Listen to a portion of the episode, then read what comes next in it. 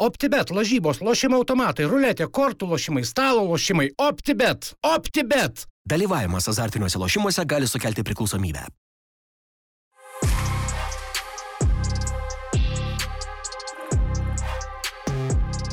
Sveiki visi, įsijungę podcastą. Pradedam unikalius sąstatų dviese e, su Marium. E, žodžiu, šiandien nėra nei Luko, nei Arūno. Arūnas su Tadu atostogose, Lukas apsirgo, tai linkim sveikatos. E, šiandien pas mus svečiuose Marius Babravičius. Sveiki. Sveikas gyvas. Klausyk, neseniai grįžai, ne į Lietuvą? Taip, prieš dvi dienas. Bet tu principė dabar Danijoje dirbi, papasakok žmonėm, kurie galbūt nežino, kas yra Marius Babravičius. Tai kas yra Marius Babravičius? Marius Babravičius. Filosofinis klausimas.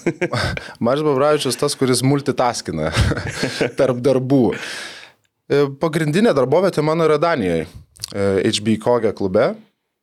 Dirbu ten e, spektaklio vadovu.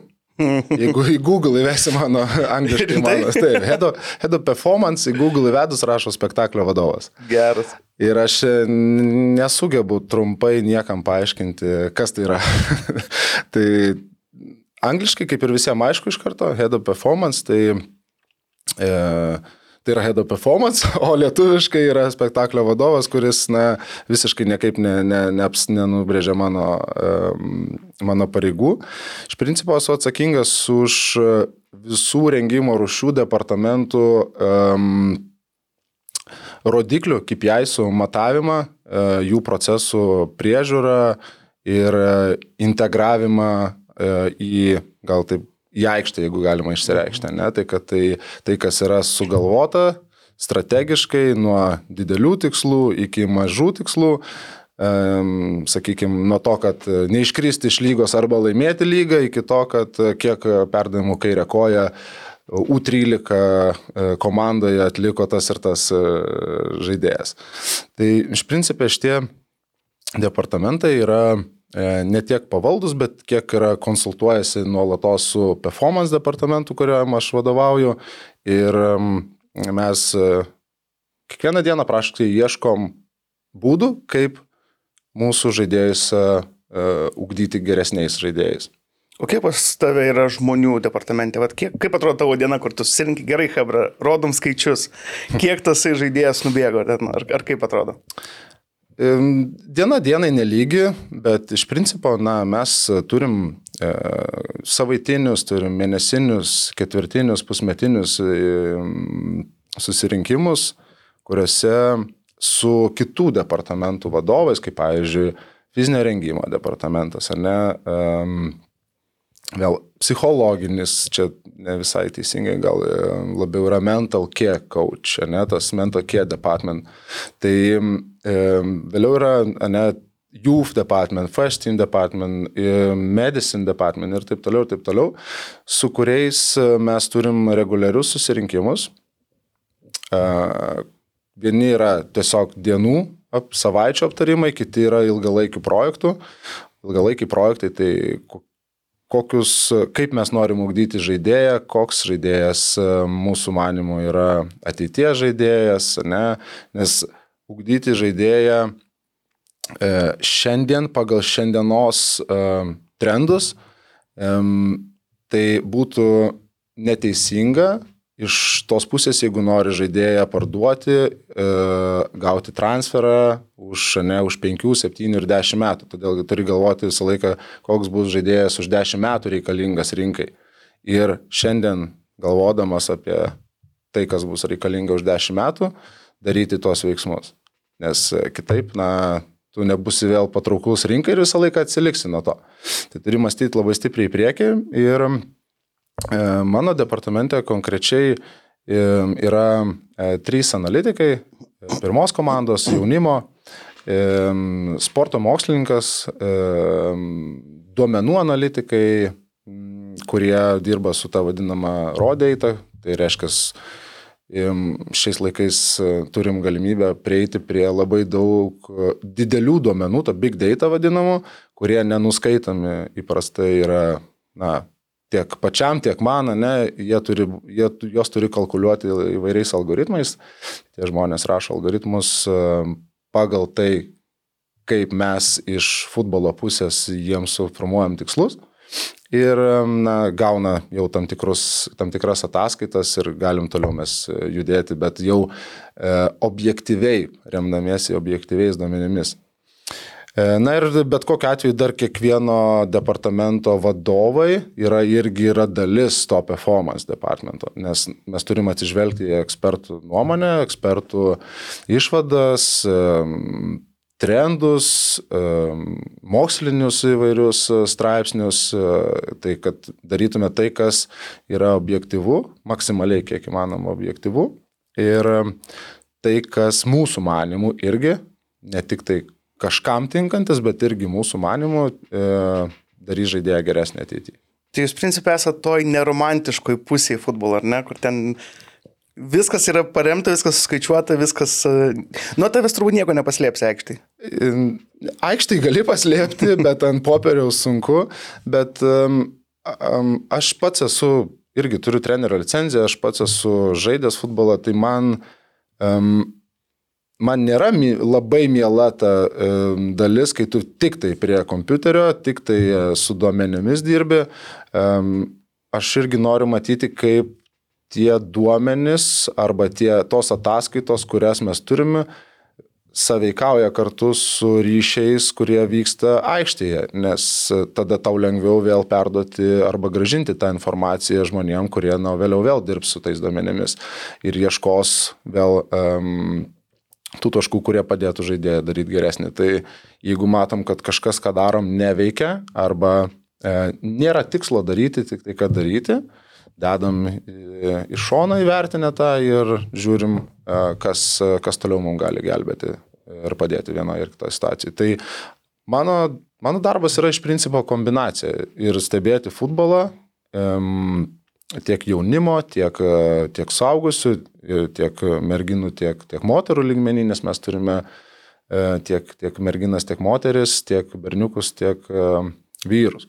Ir e, vis, visi stengiamės, visas klubas stengiasi kuo daugiau būti um, aligned, kaip čia labiau su, su, suintegruotas į vieną tikslą. Ir um, ir tokiu principu, na, tvaresnis tas modelis gaunasi.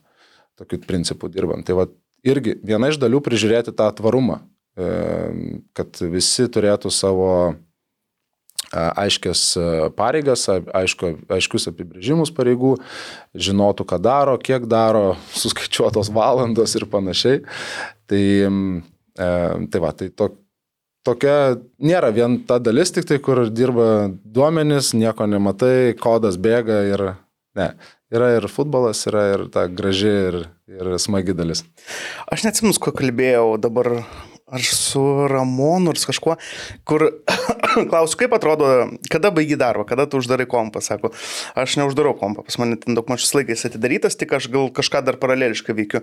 Pas tavai būna tas momentas, kad pavyzdžiui, nu, ten vis tiek toks darbas, jis iš esmės, nu neturi, nu 9 to 5 vadinam, ar ne, tenais, mm. tu vis tiek visą, die, visą laiką esi tenais.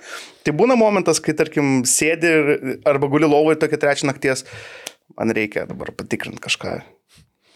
Net jeigu trečią jau būnu, jeigu trečią einu jau miegoti, tai jau aš jau būnu mm. negyvas. Aš jau miegu kietai, e, tas fiks idėjos neteina, neprabundu naktį, bet taip, ne, tų tokių apibrieštų darbo valandų nėra, jos e, labai, labai plaukėja, vėlgi žinom, kad e, ten, pavyzdžiui, pirma komanda treniruojasi 9 ryto, pavyzdžiui, ne?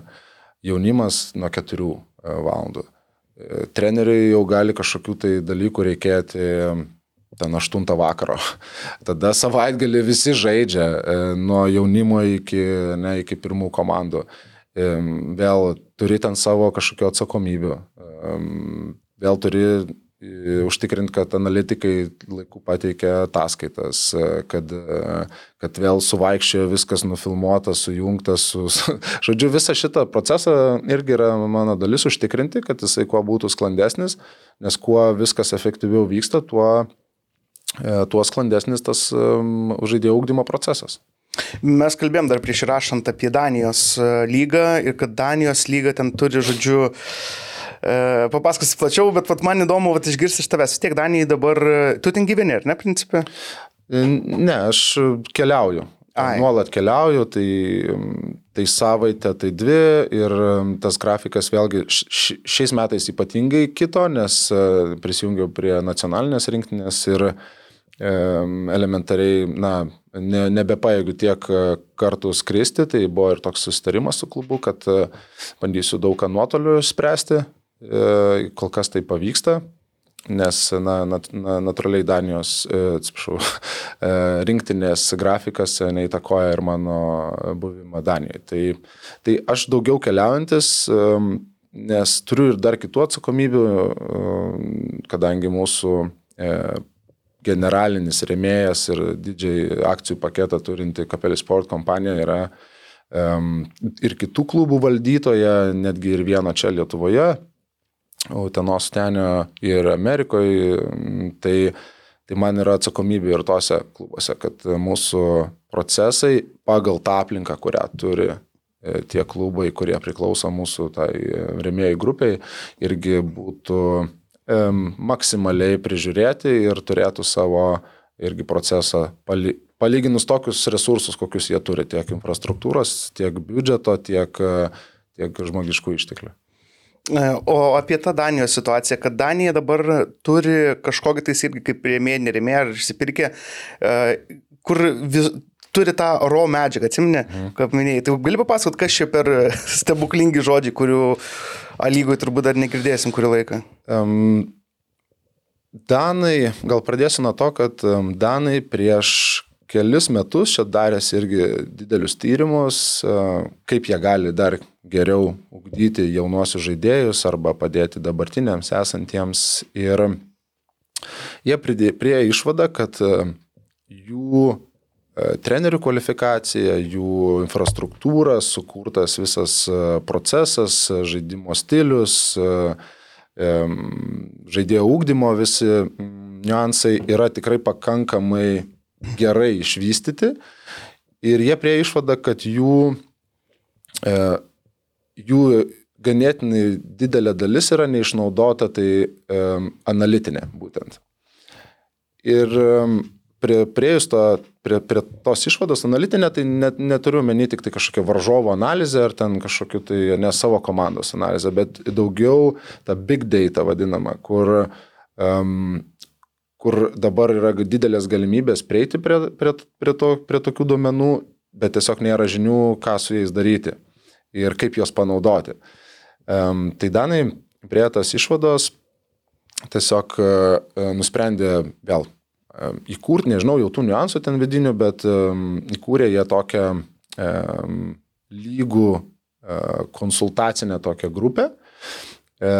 Ir pasisamdė specialistus ir jau gal treti, jau irgi antri, treti metai, kai konsultuoja klubus, padeda įvairiais, uh, įvairiomis temomis, nuo vėlgi kokią kamerą jiem instaliuoti arba kaip apdoroti duomenis arba kaip analizuoti duomenis. Tokia konsultacinė grupė ir ta konsultacinė grupė e, prieš metus nusprendė nupirkti didžiųjų duomenų e, apdorotojų, tokių kaip Wisecout, Instat, StatsBomb ir, ir, ir kitų trackingo sistemų ypatingai duomenis. Ir ką tai reiškia, kad tie duomenys yra taip paprastai akim, paprastom nenuskaitomi, jų yra čiūlė begalė, nes e, jau nebe žmogus juos rašo, eina iš įvairių kamerų ir įvairių sistemų tie duomenys. Ir tada reikalingi duomenų analitikai, kad galėtų sukurti algoritmus, kad sukalkuliuotos duomenys ir pavaizduoti suprantamą kalbą treneriui, suprantamą kalbą asistentams, kitiems ekspertams, kurie nėra e, ne, duomenų analitikai. Ir jie labai stipriai atsižvelgia į į kiekvieno klubo poreikį, nes vėlgi yra superlygos klubai, pirmos lygos klubai, ne, kaip mes, e, kurie turi na, visiškai kitus vėl resursus.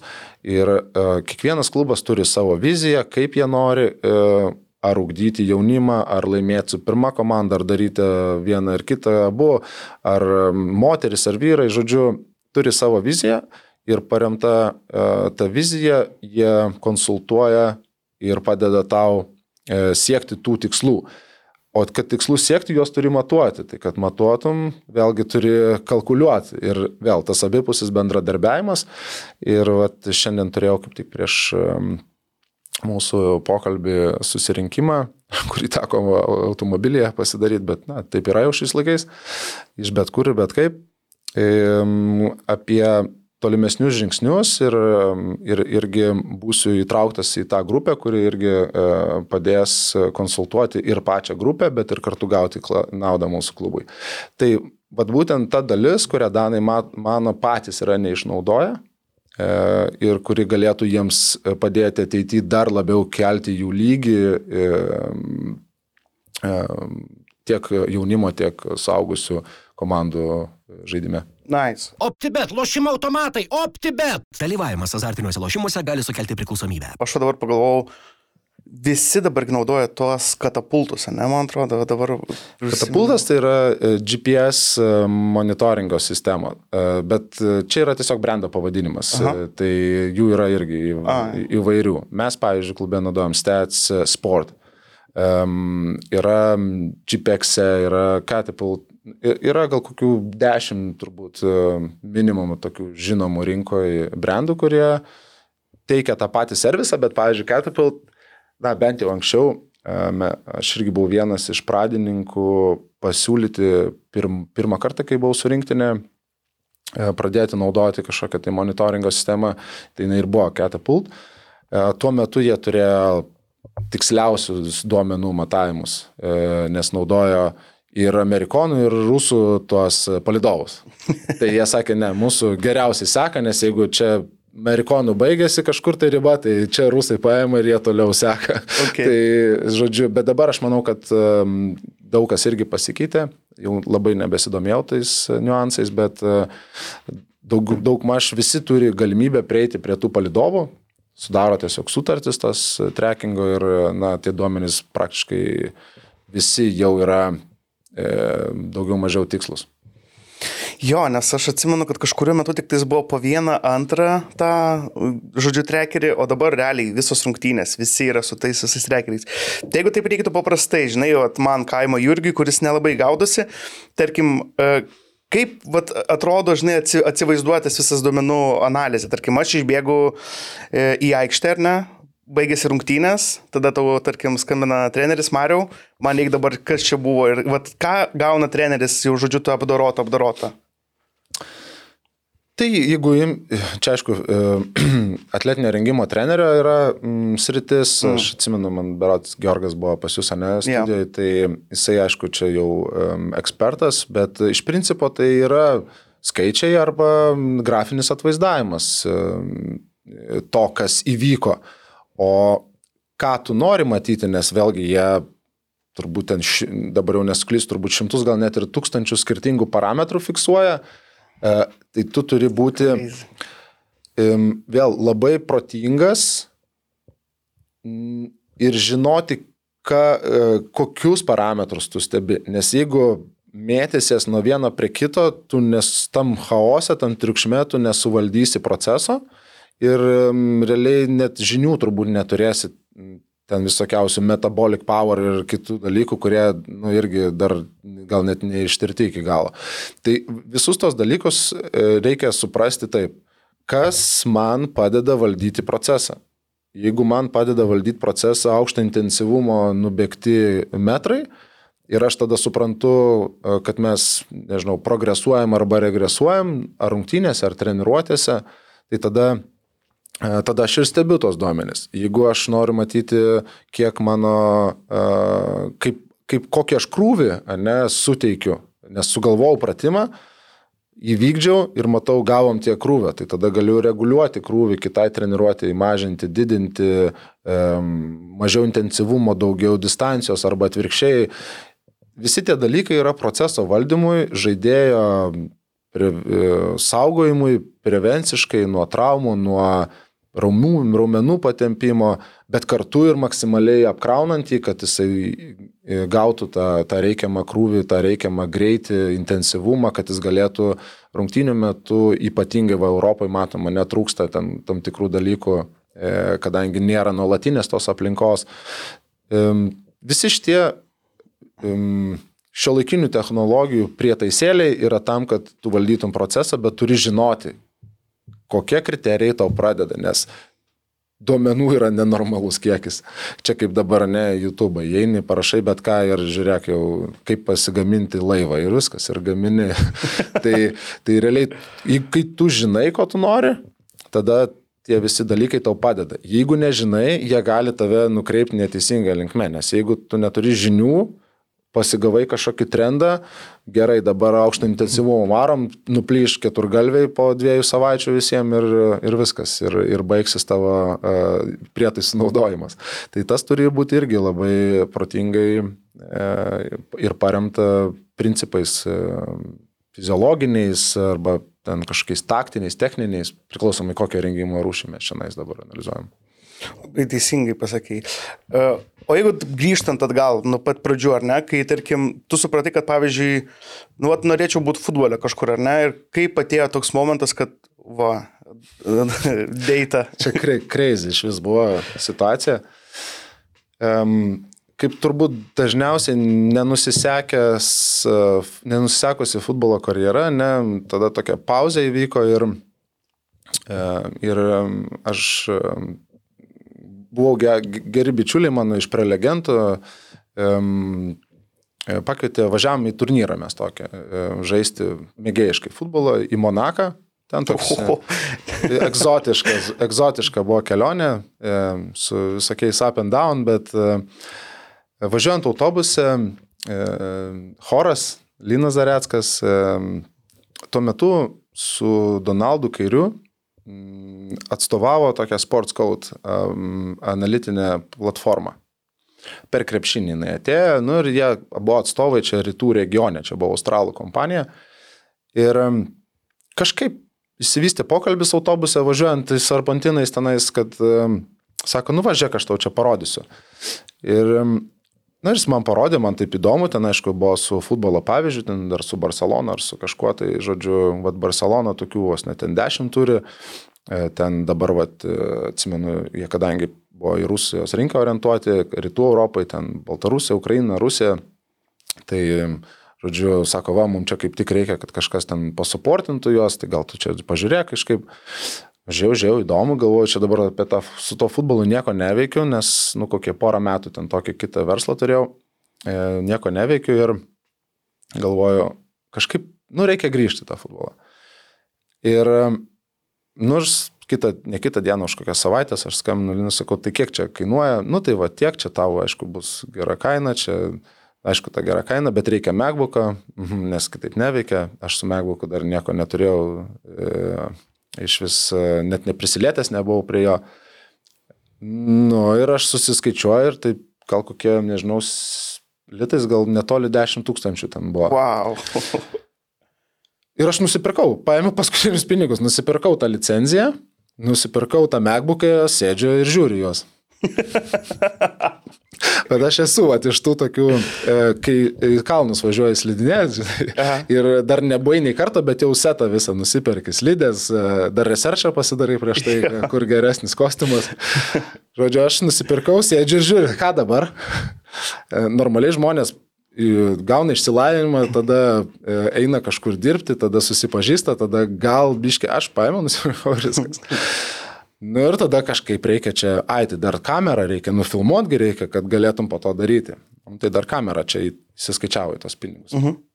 Nu ir žodžiu, aš kažkaip Židrūnui Gruzinskui pasiskambinau, sakau, nu žiūrėk, aš čia kažką turiu, man reikia kažkaip nuo kažko pradėti. Nu, sako, gerai, darom, aš filmuodavau tų jaunimo rungtynės jų, tada ten kažką prikarpydavau, padarydavau, žodžiu, ir mes ten pasidarydavom sesiją su žaidėjais, buvo tikrai įdomu. Uh, Tada mes kažkaip pradėjom bendradarbiauti su Mindaugu Čiapu, kai jis buvo bangoje ir aš jau taip jau taip ganėtinai pro pradėjau jam daryti visas analizės. Bet irgi per atstumą, komandų nebuvau, nes, na, tiesiog finansiškai iš vis Lietuvoje nes nesuprato, koks analitikas, apie ką čia šnekam, ką jis ten darys, dar čia mums tūkstantį eurų kokiu kainuos, nu, nu nesąmonė. Nu ir aš jam dariau, dariau ten, aišku, simboliškai, pačiam labai įdomu buvo. Dar keli tokie bendradarbiavimai įvyko kitokią linkmę, ten kaip žaidėjų CV tokie padarimai, bet aš taip matau, kad, nu, kažkaip čia nežinau, ar čia bus kažkas. Bet toliau investuoju, nes turiu kitą darbą, viskas gerai, e, savo visą laisvą laiką, net ir daugiau, naktis dienos, bet taip žiūriu, kad jau dirbu. Nu ir jau reikia kažkaip galvoti. Ir tada gaunu skambutį iš Martyno Starkaus. Ehm, sako, Mariau, čia aš sėdžiu su savo geru bičiuliu iš dar mokyklos laikų, Aurelium Skarbalium. Sako, kažkaip, va čia papasako apie tave, nes, nu, jis jau žino, kad aš ten darbuojas, darau tos dalykus, bet jis nori susitikti. Sakau, tai gerai, o kada dabar? gerai, viską mečiau, sakau, aš, aš turiu paimtą šansą. Um, atvažiuoju, atsimenu dar prie Mindogo Maksimos, ten fortas kažkoks buvo. Mhm. Atvažiuoju ten, sėdam, Martinas sako, tai aš viskas jau varau. Uh, sakau, okay. nu ir mes likom dėsę, va, tokia mūsų pažintis įvyko su Aurelium. Ir um, aš jam parodžiau, kaip dirbu, su kuo dirbu, ką darau. Jis sako, labai įdomu, aš dabar kaip tik, nu, toks e, laisvas, kaip tik buvo, jisai nebetreniravo nieko, sako, ieškau, kaip čia bus, matau poreikį, man pačiam asmeniškai, žinai, ir panašiai, nu ir susisieksim, žinai. Ir koks mėnesis, du, žinai, tylu. Nu, galvoju, okei, okay, nu, rodžiu ir viskas. Ir po to skambina, sako, nu, važiuok, aš dabar pradedu e, Danijoje Vyborgė. Ir um, redi, skau redi. Nu ir vat, nuo viskas nuo to ir prasidėjo. Tai buvo Danijos Vyborgas, tada e, keliavom, e, buvo Brumbių, U19, po to pagrindinė komanda, ten labai trumpai. Ir tada aš dar paraleliai Uteno su tenį padėjau, nes buvo Mindaugas Čiapas jau perėjęs į Uteną su, su Rolandu, man atrodo, jie kartu dirbo, tai su, su jais irgi bendradarbiavau. Ir tada na, griuvo vienas projektas ant kito, ten ne tik tai, ne tik tai klubinis yra, ir analitiko darbas, bet ir kartu įvairiausi kiti ten ir softus pradėjom kurti ir ten ko tik nedaryti. Licenzijas dėstyti universitete, skaityti paskaitas, nu žodžiu, viską dariau, kas įmanoma ir tada dabar galvoju, va, pagaliau ta investicija, jinai e, tada už tų kitų darbų galėjau na, atsitraukti ne, ir jau žiūriu tą investiciją, kurią tą 10 tūkstančių pasidėjau ant stalo, tai jinai man grįžta. Ir tada irgi pradėjau dirbti rinktiniai, bet jau Danijoje nebedirbau. Po rinktinės vėl buvau Utenis, bet jau kitokio ampluašių, kaip, toks, kaip vadovo pareigose akademijos buvau. Ir vėl gavau kvietimą iš Danijos, bet irgi jau, na, tokiam kitokiam amplašiu, norėjau keisti tą grinai, grinai analitiko darbą, šiek tiek norėjau praplėsti ir praplėčiau ganėtinai stipriai. Ir dabar, na, dar tikrai mm, ilgai svarščiau, kai Edgaras irgi kvietėsi į rinktinę, kad nemačiau, kaip aš galiu suderinti. Tai va tuom ir užsibaigė, tai va šiandien dieną ir turiu gal tas dvi tokias e, pagrindinės darbovietės, tai HBK Danijoje ir, ir nacionalinė rinktinė. Tai va tokia greitai pravariau tą istoriją, Bet aišku, ten visko buvo ir visai tam laikotarpį, bet gal kažkaip 10-12 metų jau praėjo.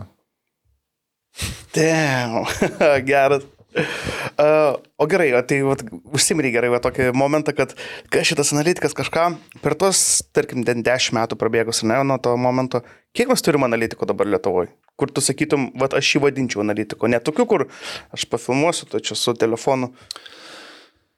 Geras klausimas, nes aš vienu metu galvau, kad jų visai nėra, o po to kažkaip mane nušvietė, kad žiūrėk, jau tu čia gal ir klaidingai galvoji, tiesiog jie gal nėra taip afišuojami, ne, nu vėl, čia nėra ir treneris, jisai dažniausiai tam backstage viskas vyksta. Ir kur taip gal grinai išreikščiau, tai tikrai Roką Pranaitį, nes, na, Rokas ir buvo tas, kurį aš atsiedžiau į, į nacionalinę rinktinę. Tai man tikrai džiugu, kad jisai ir toliau tęsia ir, ir, ir, ir darbuojasi toj srity. Tai jisai nemažai metų ir nacionaliniai, nuo to laiko, kai atėjo, beje, jis ir, ir yra. E, taip pat Kauno Žalgeriai darbavosi pilnu atatu, kiek žinau, toj srity. Dabar, kiek supratau, ir šiauliai praeitais metais turėjo uh, Skinderis, ne, uh, panevežys, ne, Mhm. uh, kur dabar su Valdu Dambrausku darbuojasi, ne, tai nežinau tik kiek metų jisai toj, toj srity buvo. Um, yra tikrai n, rinktinės ir jaunimo e, štabe, um, Alaunė berots, ne. Mhm. E, Nežinau, nežinau kitų, kiek jie turi kitų tų darbų, nes vis tiek, aš kiek žinau, rinktinė samdo e, daugiau kaip part-time, kaip projekto, kaip tos Taip, stovyklos e, analitika ar analitikus yra Gia- Gianni dabar, ne, mhm. nacional, ne nacionalinį, bet tam techniniam departamente, tai Taip. jis irgi, man atrodo, su U21 darbuojasi.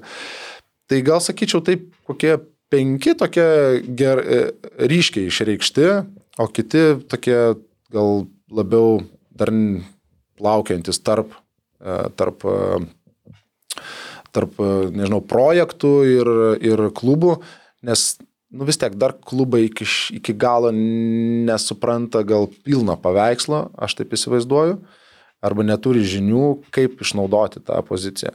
Dabar labiau yra supratimas, kad tai yra didelis krūvis, kurį reikia nuimti nuo trenerių.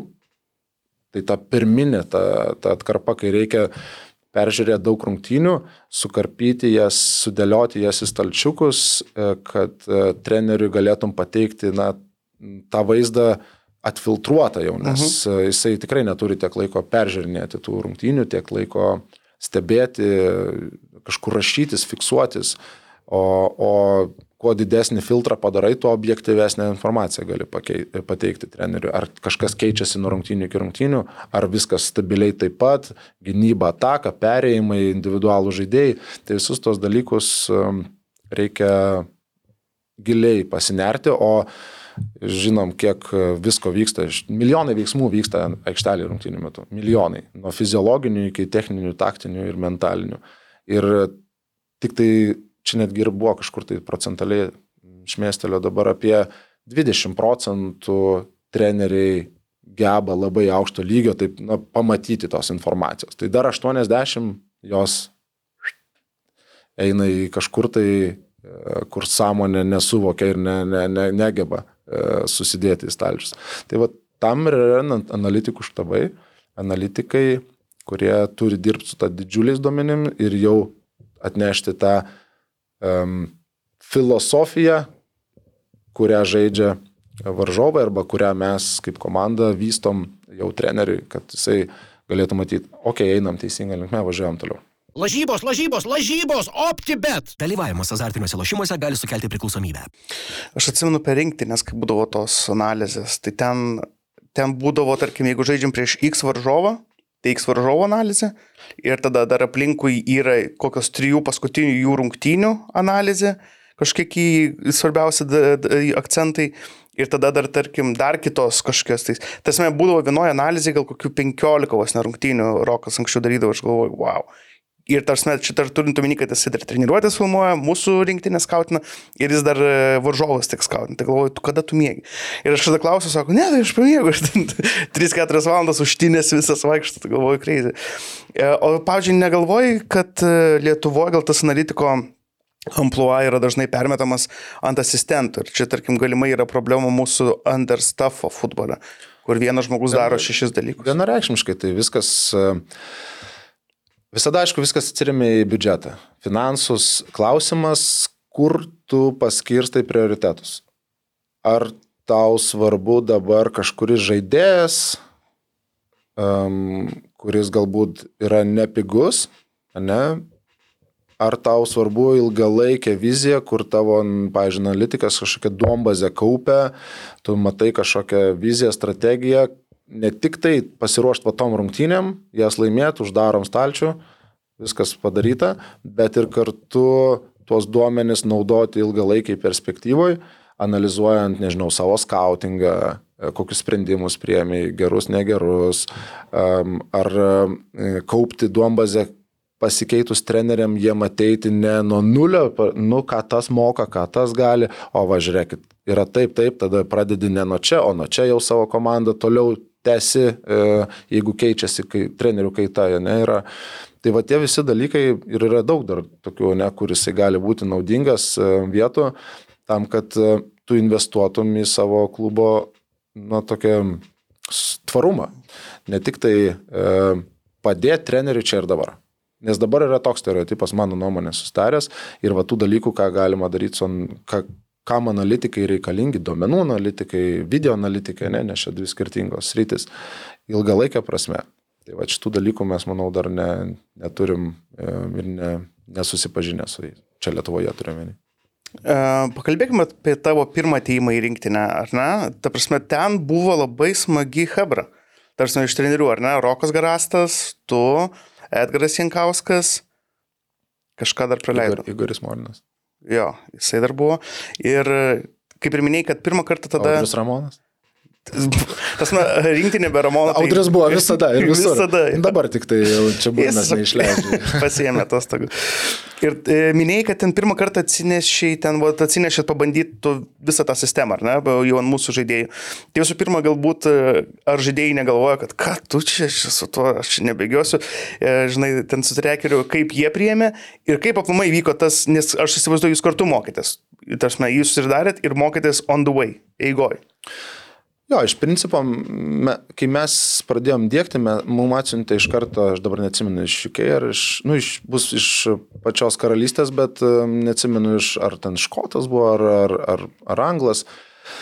Um, iš karto tas sports scientist, kuris mus nu, užvedė stipriai ant kelio, nes na, be jo tai tenais būtumėm sėdėję ir žiūrėję tos daviklius. Um, Rokas Garastas tikrai turi ganėtinai stiprų tą, e, mano manimu, žinių bagažą, e, kaip renkti žaidėją e, fiziologiškai.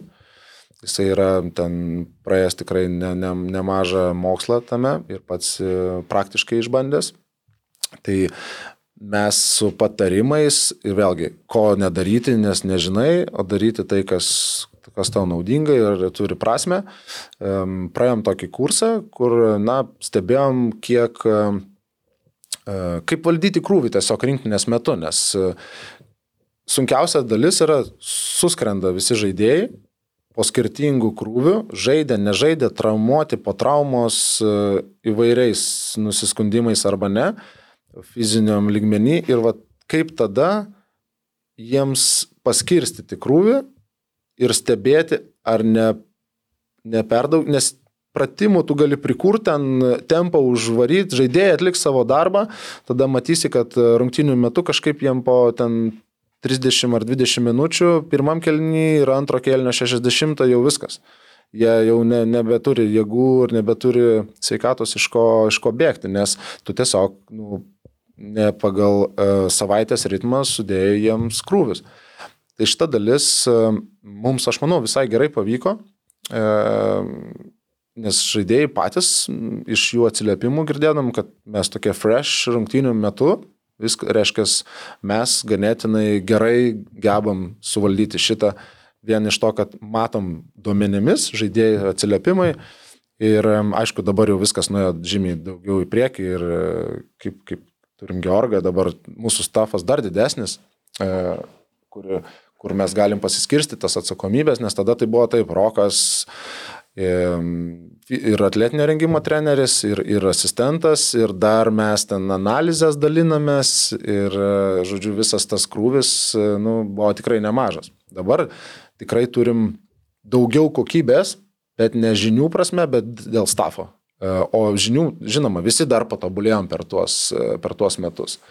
Tai buvo tikrai labai geras štabas ir sakyčiau, kad dabar mane tikrai stipriai nustebino, bet manau, kad lygiai taip pat turim tikrai labai kompetitingą ir labai gerą štabą. Ir kadangi visi dar patobulėjom, tai jisai dar, dar labiau kompetitingas yra ir turi daugiau kompetencijų. O galima, pavyzdžiui, rungtynių metu stebėti gyvai, tarkim, kažkokią situaciją, stebėti, gauti tą datą, ar ne, tarkim, kad, nežinau, tarkim, devyni aikštės žaidėjai puikiai žaidžia, dešimtas labai iškrenta. Nors jisai iš akies nepasakytum, bet skaičiai rodo, kad kažkas tas negerai. Kad, tarkim, galima būtų per half time daryti keitimus, kažkokius pokyčius, įmanoma real time stebėti visą tą momentą. Tai taip yra tiesioginis monitoringas. Tik tai čia vat reikėtų gal, kad atletinio rengimo treneris pakomentuotų, bet ką aš um, patyriau savo kailių, tai žaidėjai rungtynių metu geba išspausti iš savęs mentaliai daugiau negu turi fizinių galimybių. Ką aš noriu pasakyti, kad pavyzdys tau jo duomenys, kur tu galvoji, kad yra maksimalus krūvio e, vienetais matuojant, pas konkretų žaidėją buvo maksimalus ir tu matai, kad jis artėja prie tų duomenų ir tada galvoji viskas, tai jam atėjo riba. Bet po to žiūrėk, jisai dar iš savęs ima, bet nes, nežinau, ta, tuo metu fizinė kondicija kitokia, oras, motivacija, kažkokie dalykai, kurie jam dar leidžia, dar tęsti. Ir tu galvoji, okei, okay, tai čia maksas, bet žiūrėk, jisai dar gali daugiau kitas rungtynės. Ir tada ta riba, jinai tokia e, maksimali riba, jinai, jinai tokia nelabai apibriešta būna. Aišku, visur yra riba, ypač fiziologiškai, e, bet e, pamatuoti ją konkrečiai tom rungtynėm, nu, tu ne visai gali, nes daug faktorių susideda. Gal blogai miegojo, mažiau valgė ir viskas. Ir jau ten pasižiūrėk, jau nebe tiek jisai gali tose rungtynėse, nors tu galvoji, kad čia, o jis tik čia. Ir jau jau, jau, jau keitimo reikalauja. E, tai nėra taip vienareikšmiška. Pamačiau, atėjo, keičiu, nes parodė duomenis. Visą laiką yra kontekstas, yra... Um, yra aplinkybės, e, kartais tu nori keisti, bet negali keisti, arba e, matai, kad netgi ir nuovargio fone tas žaidėjas galbūt bus efektyvesnis negu naujas ir daug taktiniai sumetimai, gali, negali, pozicija, nu, žodžiu, yra visokių niuansų, bet būtent, e, ką norėjau pasakyti dėl tų duomenų, tai kad vienareikšmiškai jais nėra vadovaujamasi. Tai tikrai. Jie tiesiog tokie pagalbiniai, ar ne? Tas vis tiek priima žmogiškas faktorius. Jo, jie per galbiniai, tiesiog po rungtynių tu galbūt matai kiek yra e, žaidėjas, taip gal išsikrovęs, galim, mhm. E, kiek jisai distancijos nubėgo, kiek jisai aukštam intensyvume nubėgo, priklausomai nuo pozicijos ir tada tu gali vertinti, okei, okay, čia jo ribos buvo ar ne, jisai gali daugiau ar ne, ko, kiek jam laiko reiks atsistatyti, kada kitos rungtynės, reiks rotacijos ar nereiks, Jeigu nereiks gal kažkokio keitimo, kažkuria minutė reikės jau kitas rungtynės, tu tiesiog tuos duomenys naudoji e, pla, planuodamas e, ateities rungtynės ar treniruotės. Jeigu neklystų rungtynėse su Graikija, um, buvo ruošiami keli scenarijai, ar ne, kad jeigu bus raudono kortelė, jeigu bus trauma, ką darom, ta prasme visas tas momentas. E, kaip pat nežinau, kiek vat, jūsų, kaip trenerių štabas rinktinės, ar ne, turit skirtingų scenarijų. Tarkim, jeigu trenk žaibas, tai darom tą, žinai. Nu, tipo, yra kažkoksai tai toksai rungtynių planas, kad visi įmanomi scenarijai yra apgalvoti, apskaičiuoti.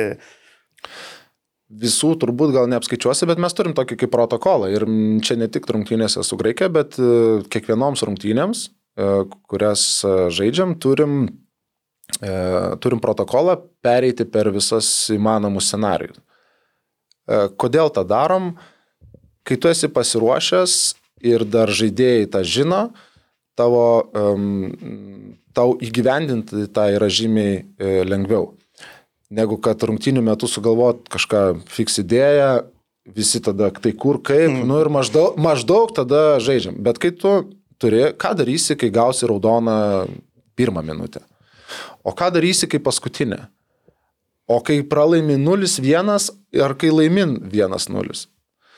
Um, tai va tie dalykai mm, ir, ir jų daug, daug daugiau yra visokių. O, kas, o kuris žaidė, jeigu tas pozicija gauna traumą, o jeigu ta, o jeigu, uh, tai ką tada? Ar keičiam kažką aikštėje, leidžiam tą, ar kažką į poziciją keičiam, vėl rungtinių pradžia, rungtinių galas. Nes viskas, o koks rezultatas? tai tų scenarių yra daug, kuo tu geriau pasiruošęs, tuo tau lengviau tą padaryti. Ir tada ypatingai kokios pertraukos metu, ne, jeigu turi galimybę, tai tu žinai, jau tu ateinamas į rūbinę, žinai, raudona pradžioj, raudona, vat, kaip yra ne, mums nutiko su bulgarais, um, mums buvo viskas aišku, ką daryti. Um, mes net neturėjom E, klausimų. Mes iš karto rungtynių metu perėjom, žaidėjai žinojo, perėjom iš karto į ten iš e, mūsų 4-2-3-1 e, į 4-4-1 ir viskas. Ir, ir mes žinom, bet mum matom, kad nefunkcionuoja irgi. Ir matom, kai bulgarai persidėliojo ir kad mums nefunkcionuoja, mums ten tvarko per visur, kur tik įmanoma. Ok, tai dar rungtynių metu jau, jau dar B, C, D visi variantai į rūbinę ir ten iš karto sudėliojom vėl, išeinam vėl, visi žinom, kad turim ir žiūrim, kad ok, šitas veikia. Jau mes prevenciškai turim. Tai um, visi B planai yra um, vėlgi efektyvumas. Visi B planai yra efektyvumas, ką darom, kai kažkas atsitinka. Jeigu nežinom, prasideda tada, nu gerai, taip, arba, ai, gal šitaip.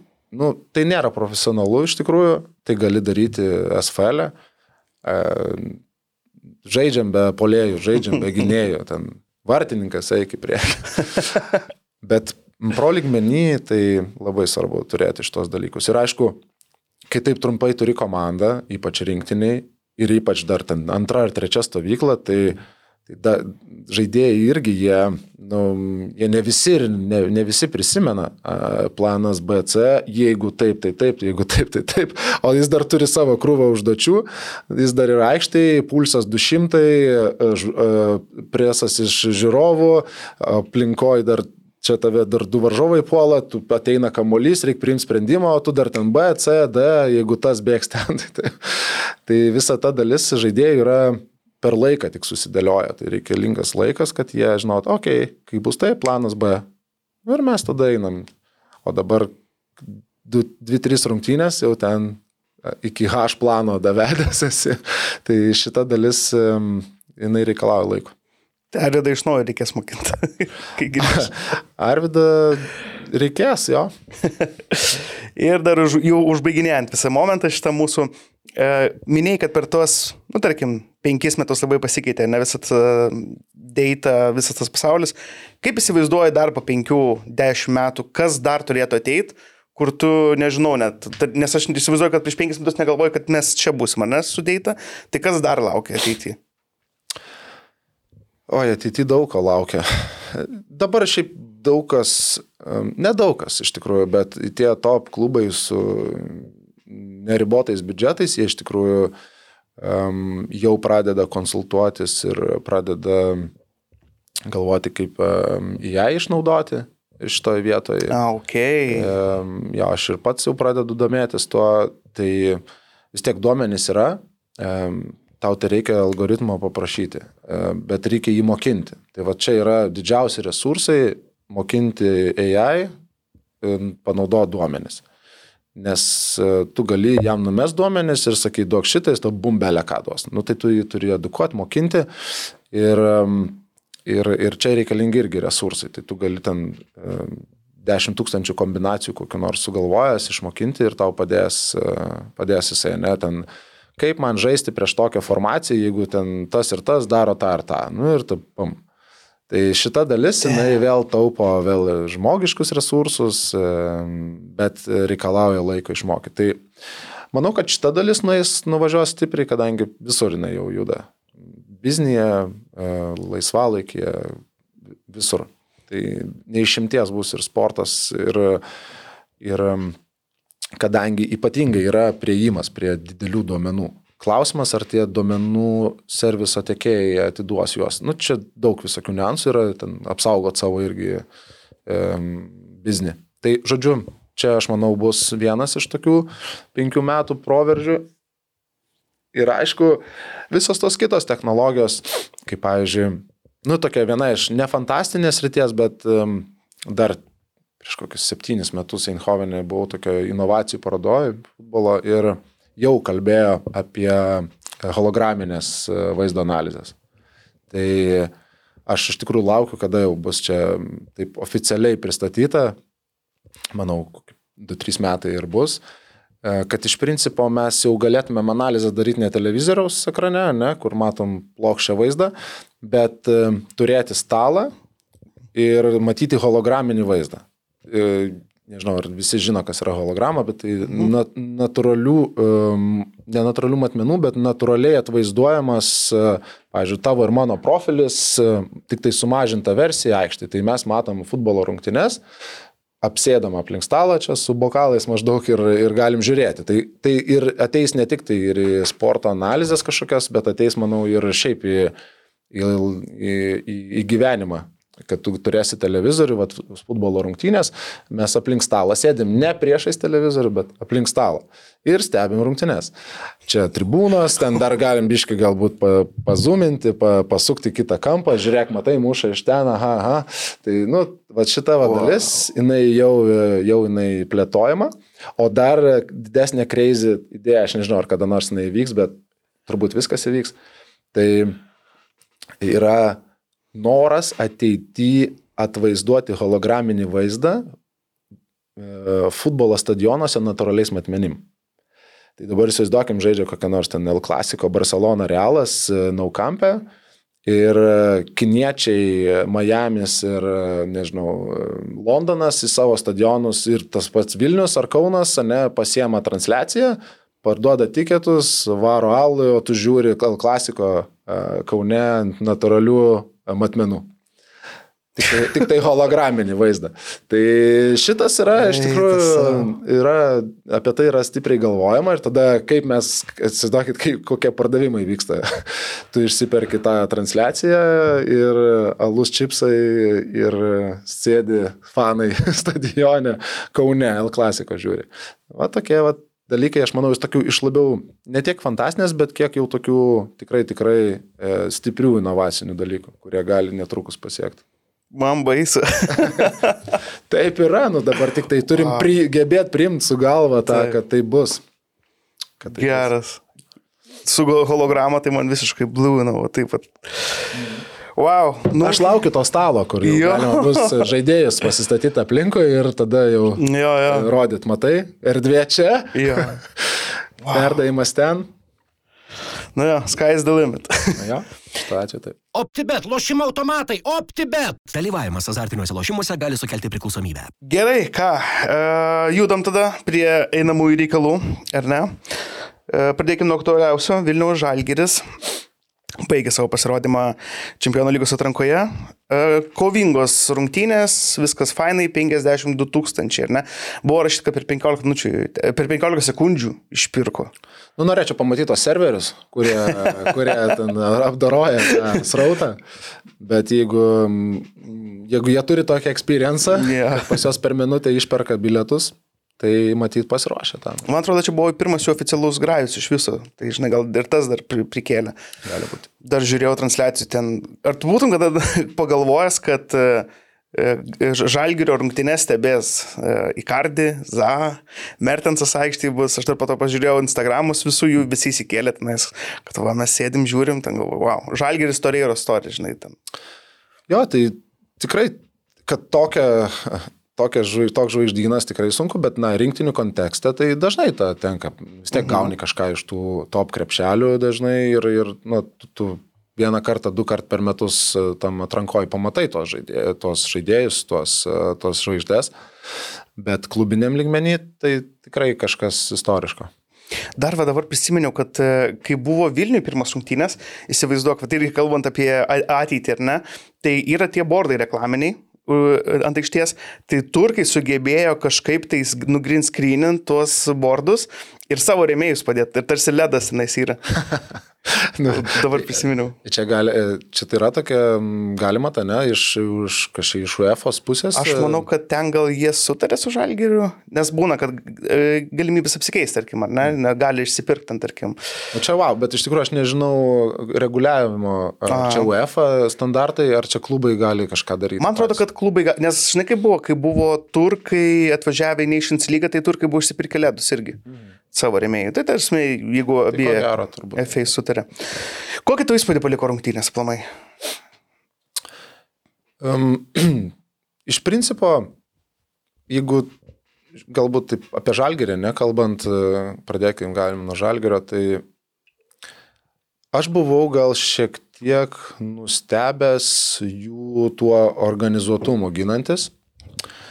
Ir kai kuriais atvejais, na, man žiūrint iš tų tokių taktinių galbūt pozicijų, susitarimų, kas ką saugo, kas, kas ką pasitinka, tai mačiau tokio labai daug chaoso, ypač antrose rungtynėse dabar um, Turkijai, bet žaidėjai kažkokiu būdu vat, geba tam chaose vis tiek atsidurti tose pozicijose, kur reikia. Ir nežinau, ar čia, ar čia, čia burna nuopelnas, ar žaidėjo, ar abiejų kartu sudėjus, tas individualus meistriškumas suvokti, kokioje situacijoje, um, kur reikia ką pasaugoti, kur reikia kieno vietą užimti, jeigu mano ten kolega išvedė arba jisai atsidūrė kažkokioje kitoje pozicijoje, nes kraštuose ypatingai ten tos rotacijos um, buvo labai daug ir, ir aš buvau nustebęs tą tokią vadinu per, perfect chaos, kur toks chaotiška, chaotiškai pozicijose, bet struktūros prasme išlaikyta ir ganėtinai, e, ganėtinai taip kokybiškai apsiginta. Čia pirmas mano toks įvaizdis per paėmus abiejas rungtynes, sakyčiau, antros netgi dar buvo dar kokybiškesnės šitą prasme negu pirmos rungtynės. Ir manau, ta, ta tokia gera gynyba, na, vedė iš protus turkus, um, kurie, kuriems trūko labai to kreativumo, to užbaigimo fazai. Kai jie jau, jiems tikrai lengvai sekasi ateiti ne iki to, kitos trečios fazės, kai jau mes nu, galim smūgiuoti, galim daryti kažkokius kadbekus, krosus ten ir panašiai. Bet va ten va trūko to kreativumo ir tas kreativumas labai stipriai įtakojo, manau, nebuvimą kai kurių žaidėjų. Tas pats Zeniolo, kuris žaidė Vilniui, nu, jisai tikrai išspręsdavo tokias situacijas, kur, va, atrodo, nu, va, va, čia yra top žaidėjas, um, kuris tikrai išsiskiria. Jisai pasiema kamolį ir sukuria. Um, Sau susikuria, komandos draugui sukuria. O va Turkijai nebuvo tokio žaidėjo, mano manimu. E, Mertensas taip, bet jisai, jis gali perdavimą atlikti, jis gali pats užbaigti ataką, bet jisai nėra tas, kuris gali apsivesti. Jisai, jisai daugiau toks pozicinio žaidimo, ne, gal um, šalininkas. O, o vat Zaniola, kuris, Vilniui, kuris žaidė Vilniui, tai buvo, buvo tas, kuris na, gali, gali sukurti iš lygioj situacijai vieną kitą žaidėją apsivesdamas, iškišdamas perdavimą arba pats užbaigdamas ataką. Aišku, tas užbaigimas irgi buvo ne aukščiausiam ligmenį, e, bet vėlgi čia nuopelnas žalgerio gynybos. Visiškai pritariu. Man Mertensas e, pradžioje atrodė toksai, žinai, laisvas kuriejas. Jis irgi ten neturėjo pozicijos realiai tokios konkrečios, kaip ir buvo dešimtukas. Bet jo, lyginant su Zaniolo, tai didelis, didelė netektis buvo turkam. Kas, nu tai bėgant tai iš karto, kad pir, pirma tokia buvo proga, man atrodo, vos ne pirmą, antrą minutę, kur ten iškišo perdavimą, bet buvo nuošalė, bet jau tenais man Tau nesusidarė įspūdis toks, kad atrodė Kalatasarajus toksai, kur, nu mes vis tiek to įmušim. Arba mes vis tiek laimėsim. Nu, nes man kartais susidarydavo įspūdis, kad jie, e, kaip ir minėjai, iki trečios fazės ateina, ar ne? Ir jie ten principė labai ten nepersistengia, nes kiti tai ten keturgalviai eitų, ten naviesai, aštus perdavimai, o jie tenais atrodo patys, patys dėl savęs kažką tais daro. Ga, aš žinau, kaip atrodo žiūrovai. Kartais taip atrodo, kad, nu, vat, me, jie nepersistengia arba mes nepersistengiam, bet nu, taip nėra. Tiesiog, nu, nėra paprasta, kai tu atsiduri, kai varžovas yra žemam blokė, šiuo atveju žalgeris, ir tau reikia įveikti dvigubas, trigubas gynybas. Tai tuom futbolas ir yra gal žavingas, kad, kad ir kiek milijonų prieš tave žaistų, nu gerai, aš tą apėsiu, bet yra dar vienas už tavęs. Bet yra dar trečias, tada dar reikia perdavimą padaryti, smūgį dar vartininkas yra. Tai visi šitie faktai, na, nu, nėra juos lengva įveikti. Ir, ir tada atrodo, kad, um, vat, nu, jeigu reikės, tai nevelnio, taip nėra. Vat, reikia, nu, norim įmuštą įvartį, nėra čia saugu 0-0, žaidžiam, uh, arba ten uh, matom, kad jau usis, nu, aš tai įsivaizduoju, kas buvo, kas kalbama per pertrauką arba prie rungtynę. Jis prabėgo vieną ten ir sako, nu, tai žiūrėkit, mes neįmušim, jis nubėgs, gausim, eisim į pratesimą arba iš vis gausim. Tai čia neišeisit iš stadiono šito, nes e, turkai pasitiks su peiliukais jūs. Aš net nebejoju. Ir, e, nu, ir tu eini, tu, tu darai viską, kad įmušti, bet nu, taip nėra paprasta. Elementariai. Tau reikia su gera gynyba organizuota e, susitvarkyti. Ir yra kitas dalykas, kaip ir sakiau, neatsiranda tas žaidėjas, kuris gali e, išspręsti va ten jau toj tankioj gynyboje keliose metruose ne, e, situacijos ir um, atiduoti perdavimą arba pats užbaigti ataką. Taip atsirado, aišku, jų buvo, bet nu, manau, kad su tais žaidėjais, kuriuos jos turi ir kurie nežaidė, tai jie tikrai galėtų kitokį rezultatą demonstruoti. Vėlgi, ten rungtynės rungtynėm nelygios, bet Žalgis parodė bijos rungtynėse, kad e, turi savo vieną kozerį, kontrą, o javusis, jis nežinau iš kokios planetos yra, kartais net atrodo, kad per greitai kažkaip jis bėga. Ir, ir retai matai tokį didelį skirtumą tokiam lygmenį. E, tai čia jo tas skilsas, tai nu, fenomenas. Tai jį tik reikia dabar um, gerai išmokinti smūgių, užbaiginėti viens prieš vieną atakas. Tai jam atneštų didelę vertę tiek jo asmeniškai, tiek žalgerio transferui kokiam ateities, nes dabar aišku, kad jį parduotų, bet e, nu, visi mato, jisai, jam trūksta užbaigimo. Bet e, grįžtant prie to, kad e, neatsirado, manau, va, tas žaidėjas, kuris spręstų tokios situacijose ir dėl to taip ir atrodė tas vaizdas, kad, nu, va, nesistengia. Bet taip nėra, iš tikrųjų taip nėra. Jo, apie javusį, tai žinai, kaip būna, kai kuri savo žaidėją FIFA ir kažkurį vieną ten tik tai skilsą uždedi, tai va čia yra greitis. Ir man, aš žiūrėjau ir du kartus man širdis apsalo, tai pirmas, kai nusipjojo jam tas smūgis, ir antras, kai užbėgo viens prieš vieną, ten nugrinai tą beilo situaciją, kuris per visą aikštę nusitebė kamuolį ir galvoju, nutuoj, ir ten, ir toks, a, iširdė. tai labai buvo gaila, nes tikrai buvo progų. Uh, Mertensų tas įvartis, ne, po kampinio, tai aišku, čia namų darbai. E, buvo kalbų pasirodžiusi, kad tai ten galima buvo ištraukti smūgį. O aš tai nemanau, kad galima buvo.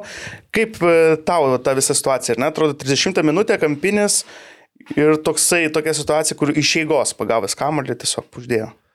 Tai viską visada galima ir e, vėlgi, nu, su, yra aplinkybės, tam vėl futbolo imkim, tai kompleksiškas žaidimas, daug žaidėjų, daug susitarimų, daug situacijų. Mano manimu, um, čia vėlgi viena iš tų situacijų, kai žaidėjas idealiai pataiko į kamolį. Aišku, vieni žaidėjai iš 10 vieną kartą gali pataikyti iki iš 10-7. E, tai, na, neveltui turbūt Mertensas ir buvo tas, kuris atsidengė ne iš, iš, iš pabloko ten berots ir mhm. būtent perdavimas, vėl perdavimas, vėlgi idealus. Tai čia viską reikia atlikti. Reikia atlikti perdavimą, reikia laiku išbėgti, reikia sugrupuoti kūną, reikia pastatyti pėdą. Tada dar atsitiko taip, kad turbūt užstojo e, smūgio momentą mhm. vartininkui, jisai jau reagavo ir kadangi jis nebuvo visiškai ten į patį kamputį arba kažkur labai aukštai, kur ten sunku pasiekti, ir atrodo, kad nu va, galima buvo ištraukti, bet jeigu tu bandai pamatyti, kas vyksta, nepamatai smūgio momentų ir reaguoji, tai ten gali ir prie kojų tas kamuolys nukristi ir tu nespėsi sureaguoti. Tai, tai vėl, jeigu būtų kokios nors ten refleksas tiesiog šokti, nesvarbu kas, gal būtų ne, Gertmanas ištraukęs tą kamolį. Bet e, tiesiog labai geras smūgis, labai geras perdavimas ir, ir čia nelabai net yra ką ten ir diskutuoti šitą momentą, mano manimu. Kaip tau aplamai atrodė, atrodė tie visi išėjimai iš gynybos, ne? Nes e, atsimenu, prieš porą metų tai ten būdavo tie, kuo toliau, išspir, kuo toliau, žinai. Dabar mes jau matom tą situaciją, kur tiesiog trumpi perdavimai, bandymai ieškoti trikampių, išėjimai. E, kaip manai, kiek e, pasitikėjimo duoda tai, kad tu anais metais baigai grupėse? Kai tu liktais ar ne, aš jau buvau praėjęs šitą visą dalyką, aš žinau ir mes dabar ramiai tai išeinam. Mano nuomonė daug duoda, nes e, vis pirma pasitikėjimas savo jėgomis. Tu žinai, kad kad ir koks ten varžovas bebus, aš turėsiu savo momentus, aš e, turėsiu ir laiko ir apsisukti, ir perduoti. Um, tik tai, na, vėl tai ryšiai tarp komandos draugų svarbu, kas kur ką kaip ką daro, kad kuo efektyvesnis e, būtų, um, kuo efektyvesnis žaidimas būtų su kamuliu. Um, ir vienareišmiškai ta patirtis, jinai, kuo jinai ilgesnė, kuo brandolys uh, tas, ne, pastovesnis komandos, tuo tai rezultatai stabilesni ir tuo pasitikėjimas savimi aukštesnis šitoje situacijoje. Plus matom, kad nu, vis tiek tie žaidėjai, kaip bebūtų žalgerį, kad ir ten rašo 300 tūkstančių vertė ar ten ir 2 milijonai ten kokio nors turko. Tai šiuo atveju aš nematau labai didelių meistriškumo skirtumų. Yra tiesiog, ne, ten 4-5 po 20 milijonų ir, nu, jie gal yra tie game changeriai, bet, bet žiūrint į žalgerio žaidėjus, nu vis tiek jie turi tą kokybę. Ir, ir ga, gavę kreditą iš trenerio, perimus, bandyti trumpų perdavimų per suportą išeiti ne, į ataką arba galų gale, nu labai svarbu vis tiek paturėti tą kamolį, kad biški ir pailsėtum, nes kai neturi kamolio, tu turi nuolat reikiuotis, agresyviai atiminėti, kai turi kamolį, priešingos pusės ten koks saugas gali jau įkvėpti, ne, um, kol stabilizuoji tą uh, build-upą, nu, tą mhm. organizaciją su kamoliu. Tai tie dalykai, jie, jie labai svarbus tam bendram rungtynių kontroliai, nes jeigu tu neturi, tai tais trikampiukais ten mažais tu irgi ilgai neprižaisi, nes nu, vis tiek ateis laikas, kai kažkas nespėja prisijungti prie tavęs ir tu nebeturi, tada turi blokuotis, vienas išspręsti situaciją, jeigu neišsprendė, gražniausiai du gynėjai prie tavęs, viskas prarastas kamuolys. Tai tas situacijas ganėtinai neblogai sprendė Žalgeris, aišku, daug buvo ir tų prarastų kamolių, bet nu, vis tiek matosi, kad yra sustarimas, kad išeiti per trumpą perdavimą, nes nu, būsiu irgi nepridaužysi tenais per rungtynės po, po 40 ten tų išmušimų į erdvę. Tu turi vis tiek užsikabinti už kamolio vieną, kitą, trečią perdavimą ir tada atrasti tą uh, momentą, kada gali jau išleisti į tą erdvę. O, o, o man biški vis tiek trūko to tokio kai kuriais, kai kuriais momentais iš kai kurių žaidėjų. Vidury, vidurio žaidėjai, manau, visai taip neblogai tvarkėsi su savo užduotim, bet vat, krašto, e, krašto gynėjai, vat, pavyzdžiui, pavelčiau žaidimas, šiaip labai daug broko turėjo e, rungtynėse. Tai vat, manau, kai, kai kurie ne visiškai susitvarkė su savo e, gal psichologija labiau, ar kažkaip, ar fiziniu nuovargiu, nes vėl tie žaidėjai trečias rungtynės išėlė žaidė čia vos ne po 90 minučių, tai reikia ir tą suprasti, kad e, mes rinktinį irgi dažnai e, tą faktą žinom, kad e, kas tris dienas tokiam normaliam tempe, kurio neturi kasdieną, yra nelengva. Tai pažiūrėkime, Žalgeris dabar turi tą nenormalų tempą. Žaidėjai. Ir dabar įsivaizduokime, jeigu mes iš tikrųjų žaistumėm kars nuo karto vidury savaitės ir šiaip kas tris dienas ar ten kas keturias. Tai, tai mes su to galatas rajum po, po ten keturių, penkių mėnesių jau visai kitaip atrodytumėm fiziologiškai. E, aišku, svarbu techninė dalis, nes be techninės, e, neužsikabinės, ne, tiksliai netlikęs perdavimo, e, tu ne, ne, nesuvaldysi ir fiziologinių savo išteklių, bet, e, bet ta kombinacija jinai ateina vat, su to rungtiniu patirtim. Jo, visiškai pritariu. E, kaip tik norėjau tavęs klausti, ar buvo žaidėjas arba žaidėjai kažkokie, tais, kurie tau galbūt e, paliko tą gerą įspūdį, žinai, kurie galbūt žaidė savo galimybės arba netgi viršijo tavo galvą ir kas vat, iškrito iš konteksto. Nu, tai vat pavelčias, ne iškrito, kažkas dar. Antrose rungtynėse taip. Kažkaip. Um, Bufas labai nustebino gindamasis, bet e, atakui nu, akivaizdžiai buvo ne, ne jo pozicija. E, jisai ir leidosi ir, ir gynybą, tada nespėdavo kilti ten ir vidurio gynėjo pozicijoje kelis kartų atsidūrė ir tada jau lygiai reikia kilti, bet tada nebespėja. Um, jis pusiau krašte, bet ten lyg ir palieka kraštą paveličių, kai su kamoliu eina lygiai į vidurį. Tai va, um, man jo gal gynybinė pusė nustebino, kad jisai ganėtinai taip gerai atidirbo uh, nes ganėtinai ilgai nežaidęs buvo čia. Ir, bet ne, nenustebino atakuojantį, sakyčiau, irgi gal iškrito iš, tos, iš to konteksto. Um, nu, Koropsovas, kaip visada, gerą darbą atlieka ypatingai gynyboje tokiuose mačiuose. Atakui čia visiems sunku, nėra čia, nėra čia ką labai ir išskirti atakuojant. E, Kendišas, manau, irgi jaučiasi, kad jisai yra šiek tiek kito ligmens žaidėjas, ypač na, stipriai patobulėjo, manau, ir po to po žalgerio, kai jis išvažiavo, matos, kad nestovėjo vietoje jo karjera kilo, jis kaip žaidėjas, nes e, dabar dar matau daugiau tokios pasitikėjimo, kokybės e, jame. Kad ir kaip e, norėt, buvo pesų iš tikrųjų toks, e, vieną ataką sublizga, kitą atrodo, wow. Nesusidėlioja kūnas, trečią vėl, žiūrėk, jisai ten, ir toks up and down, žodžiu, žaidėjas. Bet e, manau, kad jis, vat, nu, jis kažką turi, nežinau ką, nežinau ką, bet jis toks nestandartinis žaidėjas. Vidurio gynėjai iš tikrųjų, manau, neblogai visai sužaidė rungtynės. Gal trūko, bet jau antrajam kelinį tokio mūsų vidurio gynėjų, tokio discipli... ne vidurio gynėjų, vidurio saugų tokios disciplinos prisitraukti tą baudos aikštelę, nes buvo jau nemažai tokių smūgių iš, iš nuo 11 metrų, ten blokavom, aišku, ten virš vartų ir panašiai, bet ta va zona nebuvo už, užpildyta, vėlavo mane, tai va ten, taip sakyčiau, gal atraminė mūsų sauga mane tam pačiam Kendišui, Garopsovui, kas ten dar buvo trečias. Nu, prie, principė dviem žaidė, bet visą laiką leisdosi arba bufas ten į tą vietą, arba, arba mamičius tas pats. Tai manau, kad va, ten trūko nemažai em, tokio prisitraukimo, kad iš vis taip atrodytų taip solidžiai rungtynės gynybos prasme. Man tai buvo toksai, nu, toks įdomus momentas, kai jau gale rungtynių, ten nuo 8 gal 8, gal tas rais jau autobusą statė. Jo, ta prasme, net nebuvo tų palėjų, jie visi tiesiog atgal grįžo, galvoju, wow, prieš žalgyrį.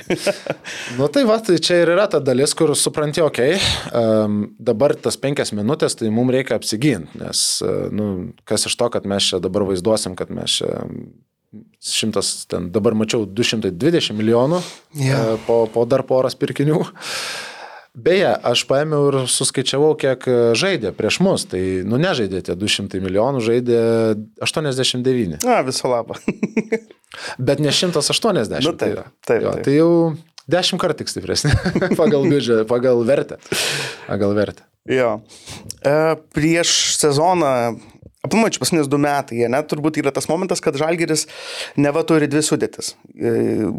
Nežinau, ar pats sakė čia būrinas, ar čia medijai buvo išpūsta, bet visą laiką daug maž, kai mes kalbame apie žalgerį, tai mes įsivaizduojame, o tai ten atsarginis soliukas didelis. Šį kartą taip kažkaip ir nepasijautė, ar ne? Ir šį sezoną kažkaip to nesijaučia. Ir dabar va, buvo tie trys keitimai, kurie, nu nežinau, ar ten baisiai labai sustiprino ar ne. Tas pats Arnis buvo mestas, kur nesuprasi jo, e, nei jo pozicijos aikštėje, nei jo formos, tada ar ne tenais.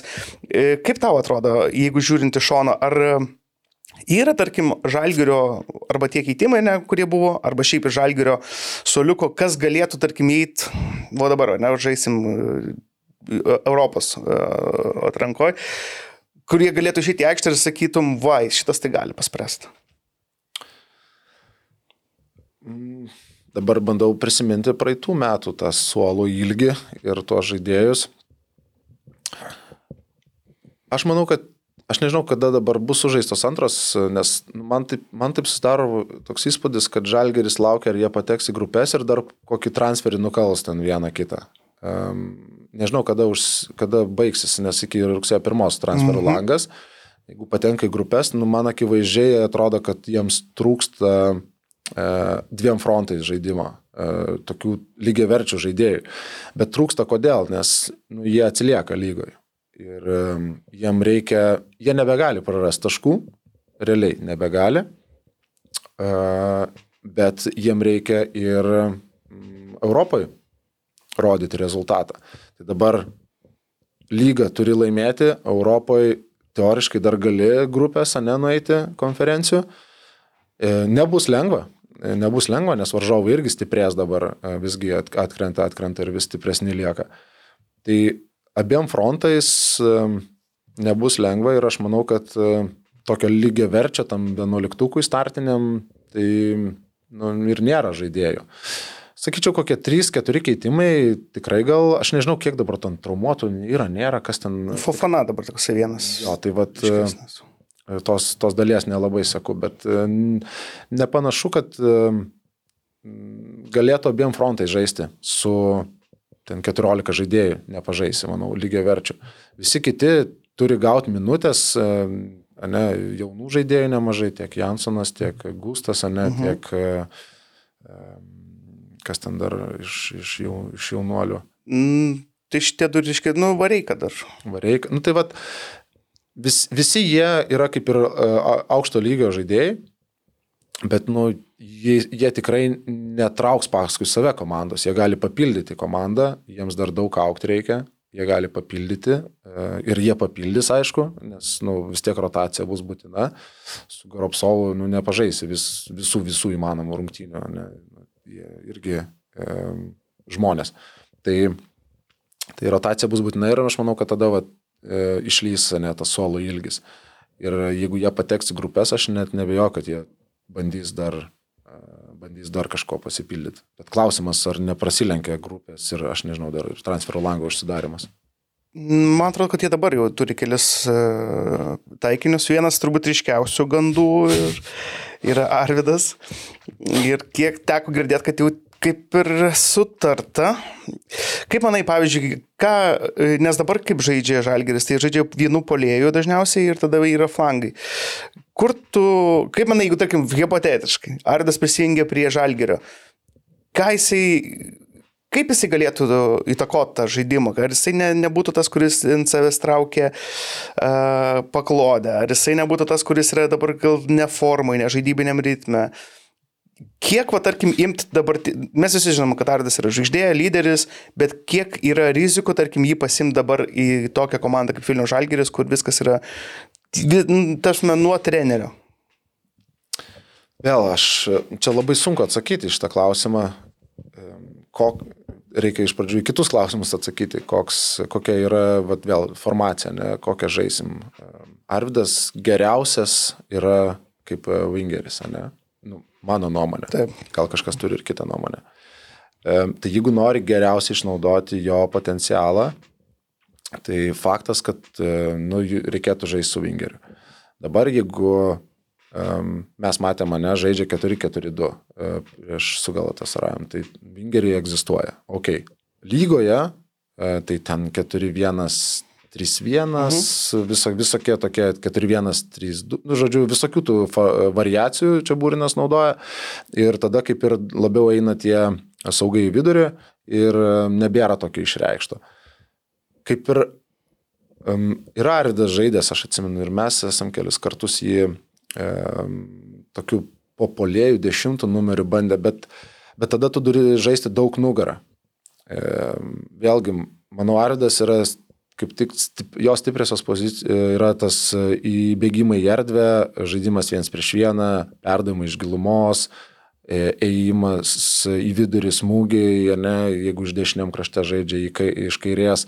Tai va čia yra jo turbūt tos pagrindinės stipriosios savybės, o, žai, o dešimtų numerį tu nemažai turi žaisti E, nugarą į varžovo aikštę. Tai tada gaunasi, kad na, tu leidės, priminėjai kamolį, vėl sukiesi, vėl kažkoks tai jungiantis perdavimas, ieškai perdavimų, pats įkirtinėjai į erdvę.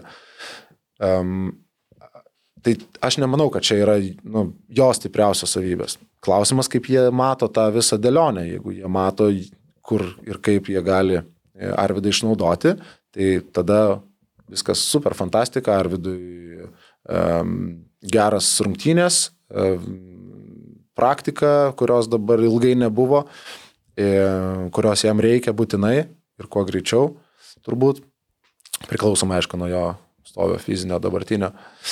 Ir, ir viskas tada būtų ok, bet jeigu, jeigu kažkur tai imi žaidėją, kad turėt gerą žaidėją, bet bandysi kažką kardinaliai keisti, kad jį, jį kažkaip pritaikyt, tai ne man, aš, aš nenoriu čia įvykiam už akių užbėgti, bet tada gaunasi ir, ir vieniem, ir kitiem kažkur tai prasilenkia kažkas ir tada nelabai ne, ir logikos atsiranda, bet jeigu jie mato, tai super.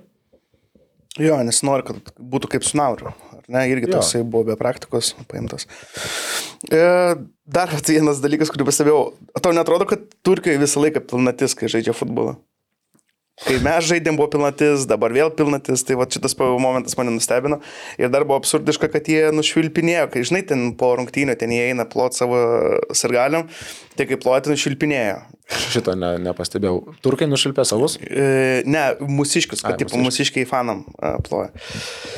Principė tiek, aš nežinau iš tikrųjų. Tokia kultūra. Tokia kultūra. kultūra. Nu, jie pasirodė ir Vilniui tenais irgi gražuoliai. Nežinau iš tikrųjų, principė Manau tiek, ne, kažką dar gal pasižymėjai, nebent papildomą. Ne, turbūt čia galima lysti labai giliai ir pradėti kapstyti e, taktiškai ir įvairiai kitaip, kur nemanau, kad visiems net ir aišku bus, reikia gal tada taktinę lentą bent jau pasidėti arba vizualiai rodyti, nes taip tiesiog kalbėti apie kažkokius tokius taktinius niuansus gal ir ne visiškai suprantama būtų. Aš tiesiog manau, kad visai geros buvo toks savęs išbandymas, pasitikėjimo daug įgavo, manau, suprato, kad ir toks varžovas yra e, ne tai, kad įveikiamas, bet kad su, su aiškia vizija, su aiškia strategija e, galime e, varžytis. Ir visi kiti dabar, na, kuriuos sutiks, tikrai bus e, tik lengviau, saliginai lengviau, nes na, tu galėsi galbūt daug, daugiau sukurti. O, o visos kit norėtųsi tik tai gal irgi pabrėžti gal kitas, kitas mūsų tas lietuvių kovas Europoje. Tai vad panevežio E, klubas, manau, irgi visai garbingai e, panašių stilium, gal šiek tiek daugiau galimybių atakoj, bet irgi remdamasis kontratakom e, nusileido Birševa komandai, bet su, sakyčiau, taip irgi nervų patampimais. E, jo, aš pa, mes juokavom čia, kad Linas per tą kaukį ten prisidaro nesąmonę, nemato žmogus ir tada ir įvačius du atsivežė. Lažybos, lažybos, lažybos, optibet. Dalyvavimas azartiniuose lošimuose gali sukelti priklausomybę. Galim tada perėti prie panevežio rungtynių. E, išvyko visai garbingai, sukovojo 1-0. Tikrai. 0-1. Nu, vy, pala. Išvykai tai 0-1 sukovojo. Bet Beršėvo namuose tai 1-0. Iš, iš, jeigu mes iš savo jo, pusės. Jo, iš perspektyvos priklauso jo. Nu, žodžiu, pralaimėjo 0-1, žodžiu, vienu įvarčiu pralaimėjo, kad būtų aiškiausia. E, bet irgi, iš tikrųjų, man, aš kai žiūrėjau, tai aiškus antras numeris, kai ir minėjai kontros, bet aš tikėjausi, ne kad tikėjausi, aš bijojau blogesnio. Ir dabar, kai žiūrėjau atsakomasis rungtynės, Tas pats ir panevežys atrodo, kad po to anų metų krikšto, vadinkim taip, šiek tiek kitoks, Letierė iš vis kitoks. Galvot, yra tas toks mitas, kad panevežys yra trenerio komanda, ar ne? Kad treneris visiškai viską tenais nuo A iki Z kontroliuoja. Kaip tau, žiūrint tas rungtynės, jautėsi ta trenerio ranka visą laiką virš žaidėjų, kad taip turi būti, ne taip turi būti, žinai, nu, tipo tas toksai, jeigu mane čia pastatė, aš čia ir stovėsiu. Tokios smulkmenos tai gal sunku labai jau taip įvertinti, kad čia būtinai taip arba ne kitaip, bet e, mano manimum tai tikrai e, treneris prisideda labai stipriai prie to, kaip žaidžia panevežys. Aš negaliu pasakyti, kad jie žaidžia kažkokį super e, tokį atraktyvų žaidimą, rodantį ir patrauklų žiūrovam, bet jie su tokia labai savo paprasta, aiškia linija ganėtinai gerų užbaigimų, ne, ganėtinai gerai išnaudoja ir prieš tą patį žalgerę net ten kelios progos ir įvartis. E, kai žalgeris ten, nežinau, spardė, spardė ten tos vartus, ne. Tai vėl, va, ta, ta dalis, kuri liečia tą paprastumą žaidimo ir gal labai, aš sakyčiau, gerai treneris prisitaiko prie aplinkybių. Mato aikštė prasta, žiūrėkit, žaidžiam taip mato gera, žiūrėkit, galim truputėlį gal ir kažkokį žaidimą padaryti, gal ir daugiau kamulio prilaikyti. Um, jis labai gerai, mano manimu, prisitaiko prie ką turi, kokią aplinkybę, kokios aplinkybės ir tada iki maksimumo supaprastina ir ne, aš matau netgi vakar irgi stebėjau, kelis kartus žaidėjai priema kamolį, iš karto toks ilgas kamolys, e, kur atrodo nu, nors vieną jungiamą į pasą dar galima padaryti, ten su saugais kažkaip jie laisvi, aps, apsisuks, nu, jau tu arčiau vartų, jau, jau tavo sprendimai galbūt ir, ir perdavimai kokybiškesni. Bet jisai taip matau, kad nėra jokių ten, nu, maždaug ar žaisk, ar va, yra ne, jokių gestikuliavimų, kad kažkokį blogą sprendimą darai ir maždaug keep going. Ir, ir va ta dalis man taip irgi pasako, kad jie maksimaliai paprastina, beje, vakar irgi kažkaip pasirodė, kad tas kamuolys taip stipriai šokinėja toj vėjai. Per televiziją nesimato, kad būtų ten kažkas labai prastai, bet kažkaip aikštės kokybė irgi nesužavėjo vakar. Ja. E, Tai, tai taip matėsi, kad nu, duoda perdavimą per 10 metrų, jis bum, bum, neaišku, į kurią pusę čia atšoks. Tai manau irgi tas lėmė tokį irgi su, sulėtėjimą žaidimo bendrą, bet ir to, kartu tokį supaprastinimą jo e, iš, iš trenerio pusės. Tai, nu, nežinau, ar atsakiau klausimą, bet jo. manau, kad tikrai jo jaučiasi ta ranka tokiam paprastumė ir aiškume, kaip ir ką darom. Nu ir bet šiaip aplamai reikia pripažinti, kad tai yra top 3 komanda Izraelio, ar ne, ir ten biudžetas yra rimtas. Tai turint atsižvelgus visą tą momentą, aš manau, kad tikrai vakar buvo neblogas rungtynės, ypač po MBO įvarčių vėl ta tokia viltis užsidegė, kad palauk, kad tai gal čia dar kažkas tais. Bet taip ir nepavyko nieko ten iš tikrųjų ir padaryti po to įvarčių.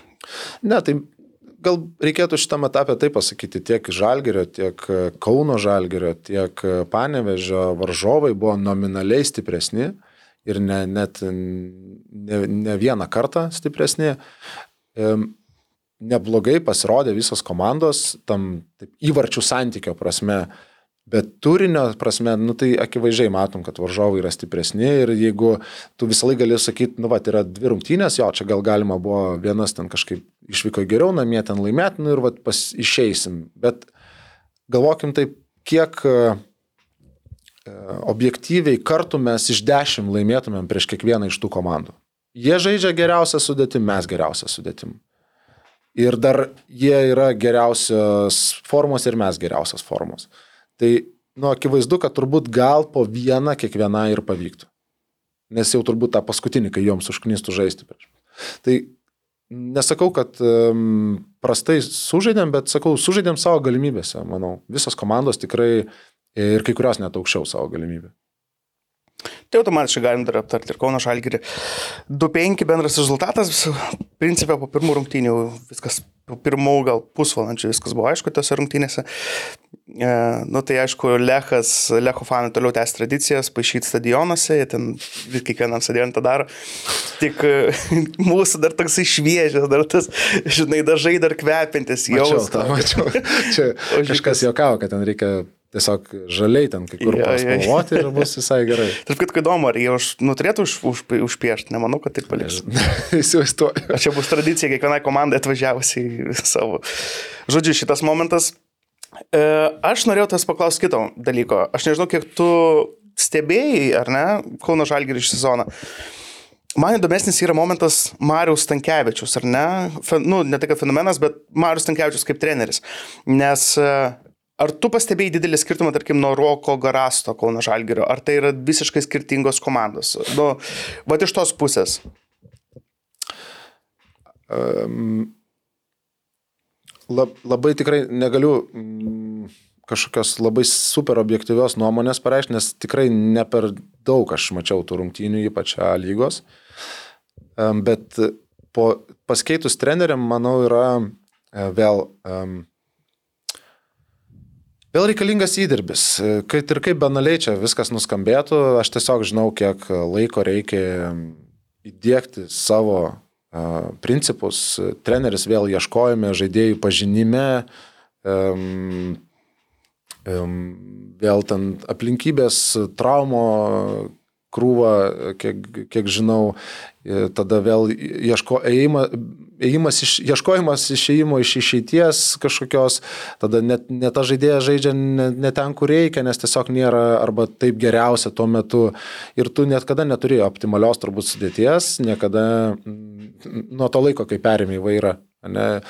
Plus vėl um, Marius irgi e, yra ganėtinai jaunas ir šviežias treneris, jeigu taip galima išreikšti. Jam irgi yra e, daug iššūkių, kaip sustiguoti, kaip pasidalinti atsakomybės, kaip valdyti stafą, e, su žaidėjais, e, turi kalbą rasti, gal jau rado, gal nuo pirmų dienų rado, nežinau šitos dalies, bet nu, daug, daug, daug aplinkybių, kurias kol sudėlioji, kol jas pradeda veikti, praeina labai daug laiko. Ir, ir matau, kad Marius tiek dar keičia ir sistemas irgi.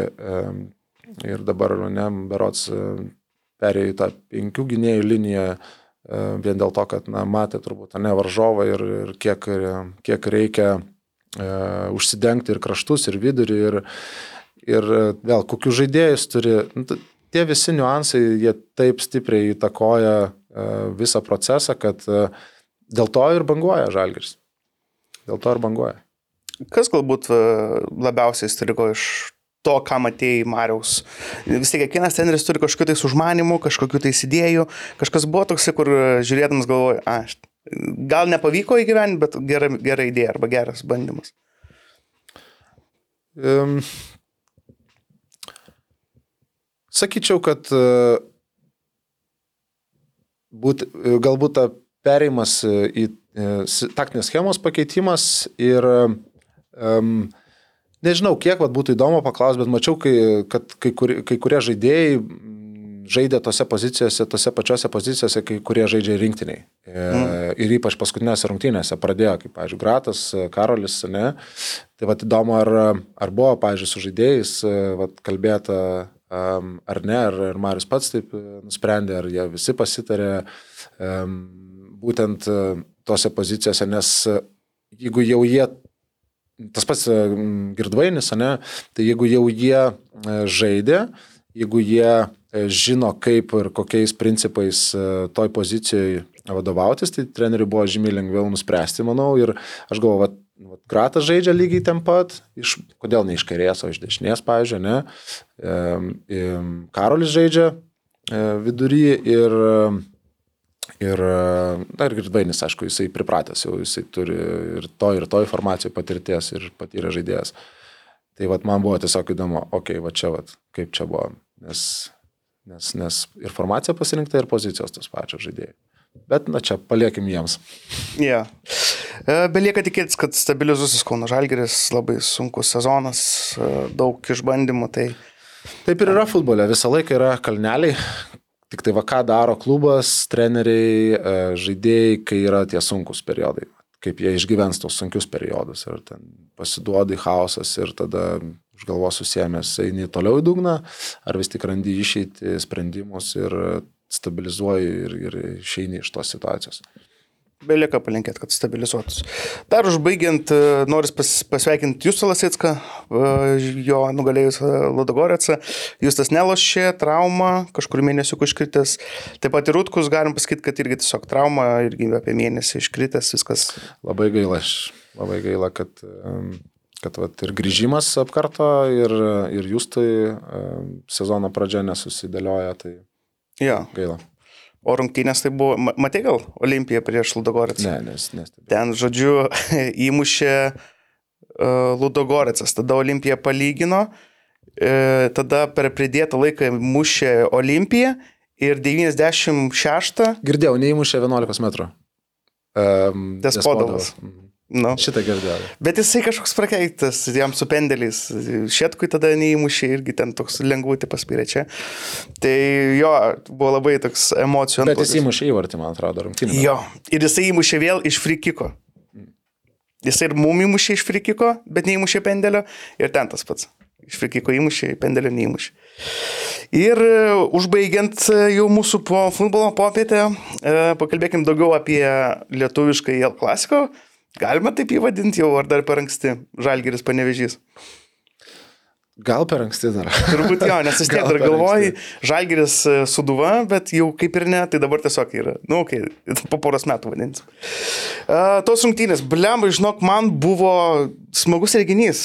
Uh, va taip turėtų atrodyti, pirmą, antrą vietos, kai kapojasi. Uh, pirmas įvartis, uh, pirmą minutę, Jeffrey Sarpongas, 19 sekundė, man atrodo, įmušė įvartį. Mano akimis atrodo, kad ten Goropsovas pasimetęs buvo Kaip tu vertinti tą situaciją?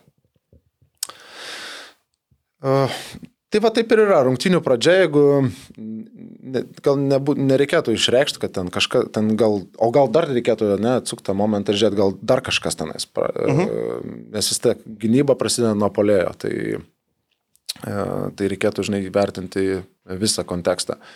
Bet aš suprantu, ką sakai, ten buvo toks pasivumas, e, galbūt, e, kuris galėjo būti žymiai proaktyvesnis gynyboje ir galbūt to momento ir nebūtų įvykę. Bet vėlgi, ten buvo geras perdavimas, e, žaidėjas labai gerą pirmą lėtymą um, turėjo, kuris na, leido gal pakeisti kryptį, vėl reikėtų pažiūrėti gal tiksliau, kaip tą kūną buvo sudėliojęs, ne gal jis rodė lyg ir čia, Karopsovas pasidavė, geras pirmas lėtimas ir, ir, ir viskas, ir tu, ir tu lieki. Bet ir tada ten vidurio gynėjo pasaugimas galbūt galėjo būti geresnis. Ir, na ir vėl krūva aplinkybių, aš tiesiog sakyčiau, kad e, gal Žalgerio visa komanda gal išėjo ir tokio nebuvo tos tokios čia ir dabar koncentracijos nuo pirmų sekundžių. Ir tada visi po, po centimetrą, po centimetrą ir pasakoja. Kamuolys tinkle. Kalbėjom, kad, tarkim, rinktinėje neturit planą A, B, C, D, F, G. E, kaip manai, vat po pirm, pirmą taką e, rungtynės dėl šešių taškų vos ne. Ir dabar tu pirmąją minutę praleidai įvartį, tavo akimis jautėsi tas, kad jau, nu, tarkim, po pirmos minutės jau planas B iš karto ten, e, ar, ar jautėsi aikštė kažkoks didelis pasikeitimas, nu, aišku, mes nematėm, kaip ten žalgiris bus dėlios, bet, tarkim, labai didelis pasikeitimas, labai galbūt, kaip e, tavo akimis patys žaidėjai reagavo, kaip atrodė tas visa situacija, ar tam buvo jautęs kažkokia panika, ar toksai važiuojam? Ne, nes man gal labiau panevežiu čia panika, dabar, okei, okay, tai laimim ir dar tret, ten 20 sekundę, ne, ir, ir tada tu psichologiškai toks tampi labiau gal gynybinis, vietoj to, kad ne, bandytum vis mhm. kažką daugiau ataku, atakuojant sureksti. O, o iš žalgerio pusės nepasakyčiau, nes nelogiška yra pirmą minutę praleidus kažkokį planą B ar C junginėti, nes tęsiam žaidimą, okei, okay, nu, vėl pasistatom tą kamolį ir žaidžiam toliau. Nu, futbolas yra toksai žaidimas, nu, praleidom įvartį, padarėm klaidą. Tęsiam dabar toliau, tik tai um, kai, yra, žaid, kai žaidži su kažkokia ypatingai stipria komanda, nu, tau psichologiškai sunkiau, nežinai, kad dabar tau bus žymiai sunkiau išlyginti rezultatą. Kai turi komandą tokią kaip um, panevižys, kuri vis tiek to pačio arba nominaliai net gal silpnesnė yra, tai tu tada žinai, kad, okei, okay, nu, mes turim visas galimybės, dar 90 minučių. Yra, žaidžiam toliau. 33, man atrodo, minutė. Linas Klimavičius po kampinę nuėjo pasisveikinti su kamoliu, juokavom, e, įmušė ant talės tą įvartį ir po to atrodė, kad biški buvo apsiraminęs tas žaidimas e, toksai apsilyginęs, sakykime, nes nebuvo baisiai daug atakų nei vieną, nei kitą pusę, toks atrodo apsiuostimas, kad ka, kol ką dabar darom. Čia gal, mus tenkina tas dalykas. Bet e, jeigu tai paėmus bendrai tą vaizdą, e, tarkim, nuo antro kėlinio vidurio, tau atrodė, kad realu, tarsi, kad realu ža, žalgerio pergalė arba kažkurios komandos pergalė, nes man vienu metu galvoju, nu tai čia bus toksai, ale džentelmeniškas nerašytas sutarimas, kad, nu, viens viens labai baisiai viens kito ne, neganysim. Ne, tai kad žalgeriui taškų reikia ir prieš tiesioginį oponentą, tai aš manau, jie darė vėlgi viską, ką galėjo, kad e, laimėti tas rungtynes, nes tu negali galvoti kitaip tu gali galbūt kažkaip mentaliai psichologiškai būti kitaip, jeigu tu būtum panevežė vietoj, bet iš žalgerio pusės tai, na, panevežė tai yra ok, manau. Toks išvykoje su tiesioginiu uh, persekiotoju turėti lygų rezultatą, ne anksčiau, nepriartėjo, taškų kaip ir nepraradom, uh, nu, praradom, bet tiesiogiai su savo abonentu nepraradom, tai Tai panevižiui toks rezultatas yra ok. O žalgiui jiem reikia taškų, jie turi laimėti, jie turi vytis, nes e, jiem patiem, kuo toliau to bus sunkiau irgi. Nebus, nelengvės jiems e, A lygos tvarkaraštis ir, ir rungtynės, su kuo be, be žaistų, nes tiesiog viską reikės laimėti. 58 55 ar 58 minutę turėjo gerą progą Žalgeris, e, ten jau nuo vartų išmušė kamalį. Šiaip ką ir minėjai, ar ne, labai jautėsi disciplina. Aplamai Černiauskas žaidžia turbūt vieną ryškesnių sezonų savo karjerai. Ir tada 68 minutėje uždėjo Smithas įvartį. Blemba, įvartis gražuolis, sakyčiau, ar ne, pasigavo, taip, Gertmanas irgi matė tą visą kampą, bet jisai buvo turbūt ant tiek tikslus, gerai atliktas smūgis, kad be šansų buvo. Jau kalbėjom, šansų visą laiką yra. Yeah. šansų visą laiką yra, bet um, vėlgi dažnai e, atrodo, kad, na, va, vartininkas ten galėjo kristi, ten nekrito, bet būna ir tokių situacijų, kad tu truputį jį pagauni į priešingą pusę prieš jo žingsnį arba jo koks nors atsispyrimas, čia va, jau vartininkų treneriai galėtų pa, pa, paaiškinti, kaip tai vyksta, nes mes dažnai matom vartininkus prieš smūgį tokius šoliuojančius. Ir jeigu jis ten ne, nepagavo to momento, kai kamuolys buvo tuo metu smūgiuotas, tai tas atsispyrimas jau lemia kažkiek sekundžių, kaip tu į kurį pusę ir panašiai. Ir plus vartininkai irgi turi silpnesnės, stipresnės pusės. Į vieną jie ten geriau krenta, į kitą blogiau. E, kiti gal neturi, bet, na, principė visi vis tiek turim kažkokiu tai stiprybių, silpnybių savo žaidime ir, ir vėl tos aplinkybės galbūt taip atrodė, kad vartininkas galėjo kristi, būtų ištraukęs, bet e, reikėtų iš tikrųjų vat, ir pačio Gertmano, nežinau, gal jis ir atsakė, kam reikalas, kodėl. tai turbūt gal buvo koks ant žingsnio pataikytas, ar, ar vėl kažkokią sekundę kažko nepamatė. Nu, daug tų dalykų, ypač kai vyksta arti viskas. Jo, nu ir smūgis buvo labai geras. Galiausiai, Kas be ko. jo, galiausiai viskas, e, rungtynės baigėsi 2-1, e, panevežys ten triumfavo, žodžiu, nuo to, mano akimis, nuo to čempionatas tapo maks įdomus, nes nebėra, kaip anais metais, nebuvo kaponės dėl, tarkim, trečios, ketvirtos vietos arba Ant, penktos. antros, ketvirtos net man. Nu, va, jo, antra, ketvirta ten ilgą laiką buvo. O dabar yra pirma, antra, ne? Tada vidury kaponės ir dar dugno komandos irgi kapojasi, kad neiškristų. Ir prasidėjo masiška tokia panika, netgi žalgerio fanų panika, kad nu viskas, čempionatas pralaimėtas, sveikinam panik. Ar tu galvoji, kad čempionatas baigtas? Nes aš, pavyzdžiui, negalvoju, kad čempionatas baigtas ir aš manau, kad čia dar gali būti visokiausių dalykų. Ne, tai tikrai nebaigtas. Dabar be kiek, koks taškų skirtumas yra? Dabar šeši taškai ir dar rungtynės, jo, šeši taškai ir dar rungtynės e, panevežys turi rezervį. Tai čia nieks nebaigta. Absoliučiai nieks nebaigta. Viena, dvi lygiosios panevežys kažkur ne, neišplėšė pergalės, o dabar žais su Hegelman berots, ne? E, Tas rungtynės. galim greit pažiūrėti, panevežys žais su jo, Hegelmanu. Tai vėlgi, nebu, nėra Hegelman tokia silpna komanda, kad ten tikrai praloš prieš panevežį. Taip. Sužaidžia dabar ten 1-1, 0-0, nežinau, 2-2, e, dar ir pralošt gali, tikrai gali, ypač kai eina va tokia serija e, sunkių rungtynių, dabar vėl grįžti į čempionatą ir reikia demonstruoti tą patį, o fizikam galva dar ten, tai dar vis atsigaudinėja, tai va, ta, tas lūžis gali būti lemiamas. Ir jeigu va dabar panevežys gebės va, šitam laikotarpį išeiti vieną, dvi, trim pergalėm iš eilės, tai va tada, sakyčiau, bus sunku, bet ir tai, pažiūrėkim, kiek, kiek pavyzdžių praeitų metų Anglijos Premier lyga. Um, Arsenalas laimi lygiai tai pačiai, man atrodo, šešiais taškais uh -huh. ir ten dar irgi vos nerezervė turėjo. Kur, kur baigė, ateina ta dobė, bum, bum, bum, bum, bum, neišvažiavo ir viskas, o po to jau ir sunku grįžti. Tai jinai, jinai kuo, toli, kuo, kuo ilgiau laimė, tuo daugiau šansų, kad kažkada pralaimėsi, teoriškai.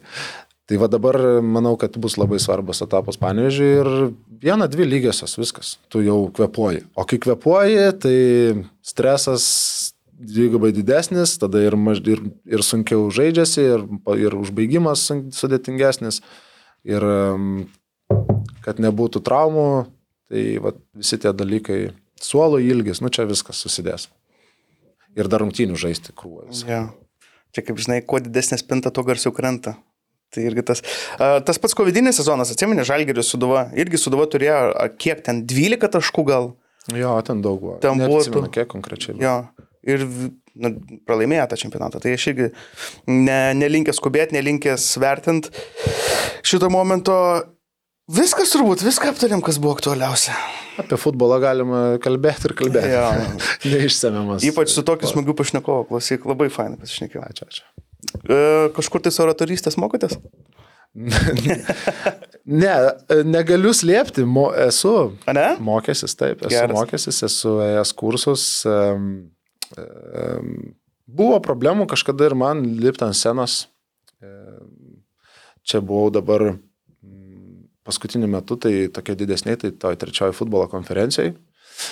Ir um, angliškai, tai savo sakiau iššūkį, keliu iššūkį, lietuviškai jau praėjau tą, dabar turiu angliškai. Tai, tai manau, egzaminą išsilaik, išlaikiau, e, bet vat, nu, aš laiks nuo laiko mėgstu save pachallenge'int kažkur tai. tai Tai vad buvo man irgi iššūkis. Bet um, esu, esu kaip ten su to stresu kovoti, kaip ten um, praėjęs esu tos kursus. Geras. Mokiausi. Ir geriau, kaip atrodo tas e, mokymasis, tiesiog tau duoda užduotį pasiruošti? Tave tu... įmeta į oh. čia ir dabar, gauni greitai ir tokių visokių nepatogių su kitais, nepažįstamais, mažesniai, didesniai auditorijai. Bet man yra lengviau asmeniškai, kuo didesnė auditorija, tuo man yra lengviau. Nes jeigu, aišku, tu bandai suvokti, kad čia yra labai daug žmonių, tai tada gali ten savęs stresuot pradėti, uh mhm. -huh. bet E, bet jeigu yra didelė auditorija, tu realiai nematai veidų.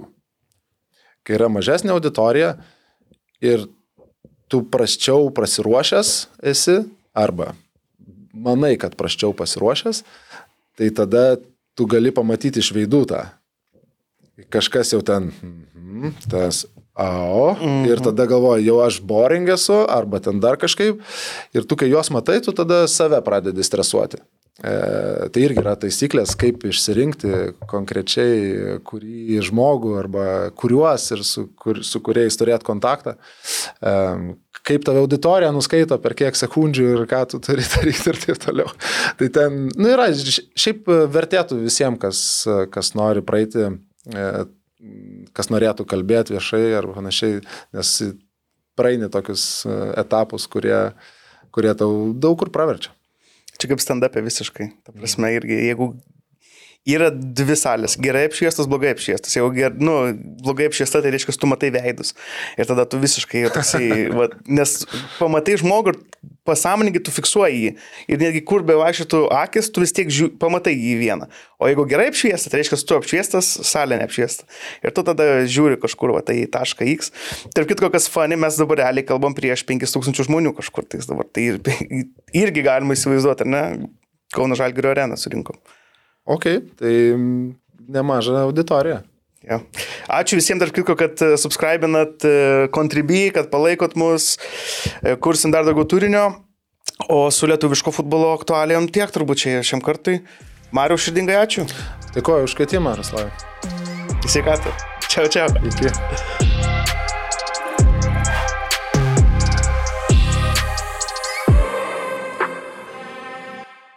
OptiBet, lošimo automatai, OptiBet. Dalyvavimas azartiniuose lošimuose gali sukelti priklausomybę.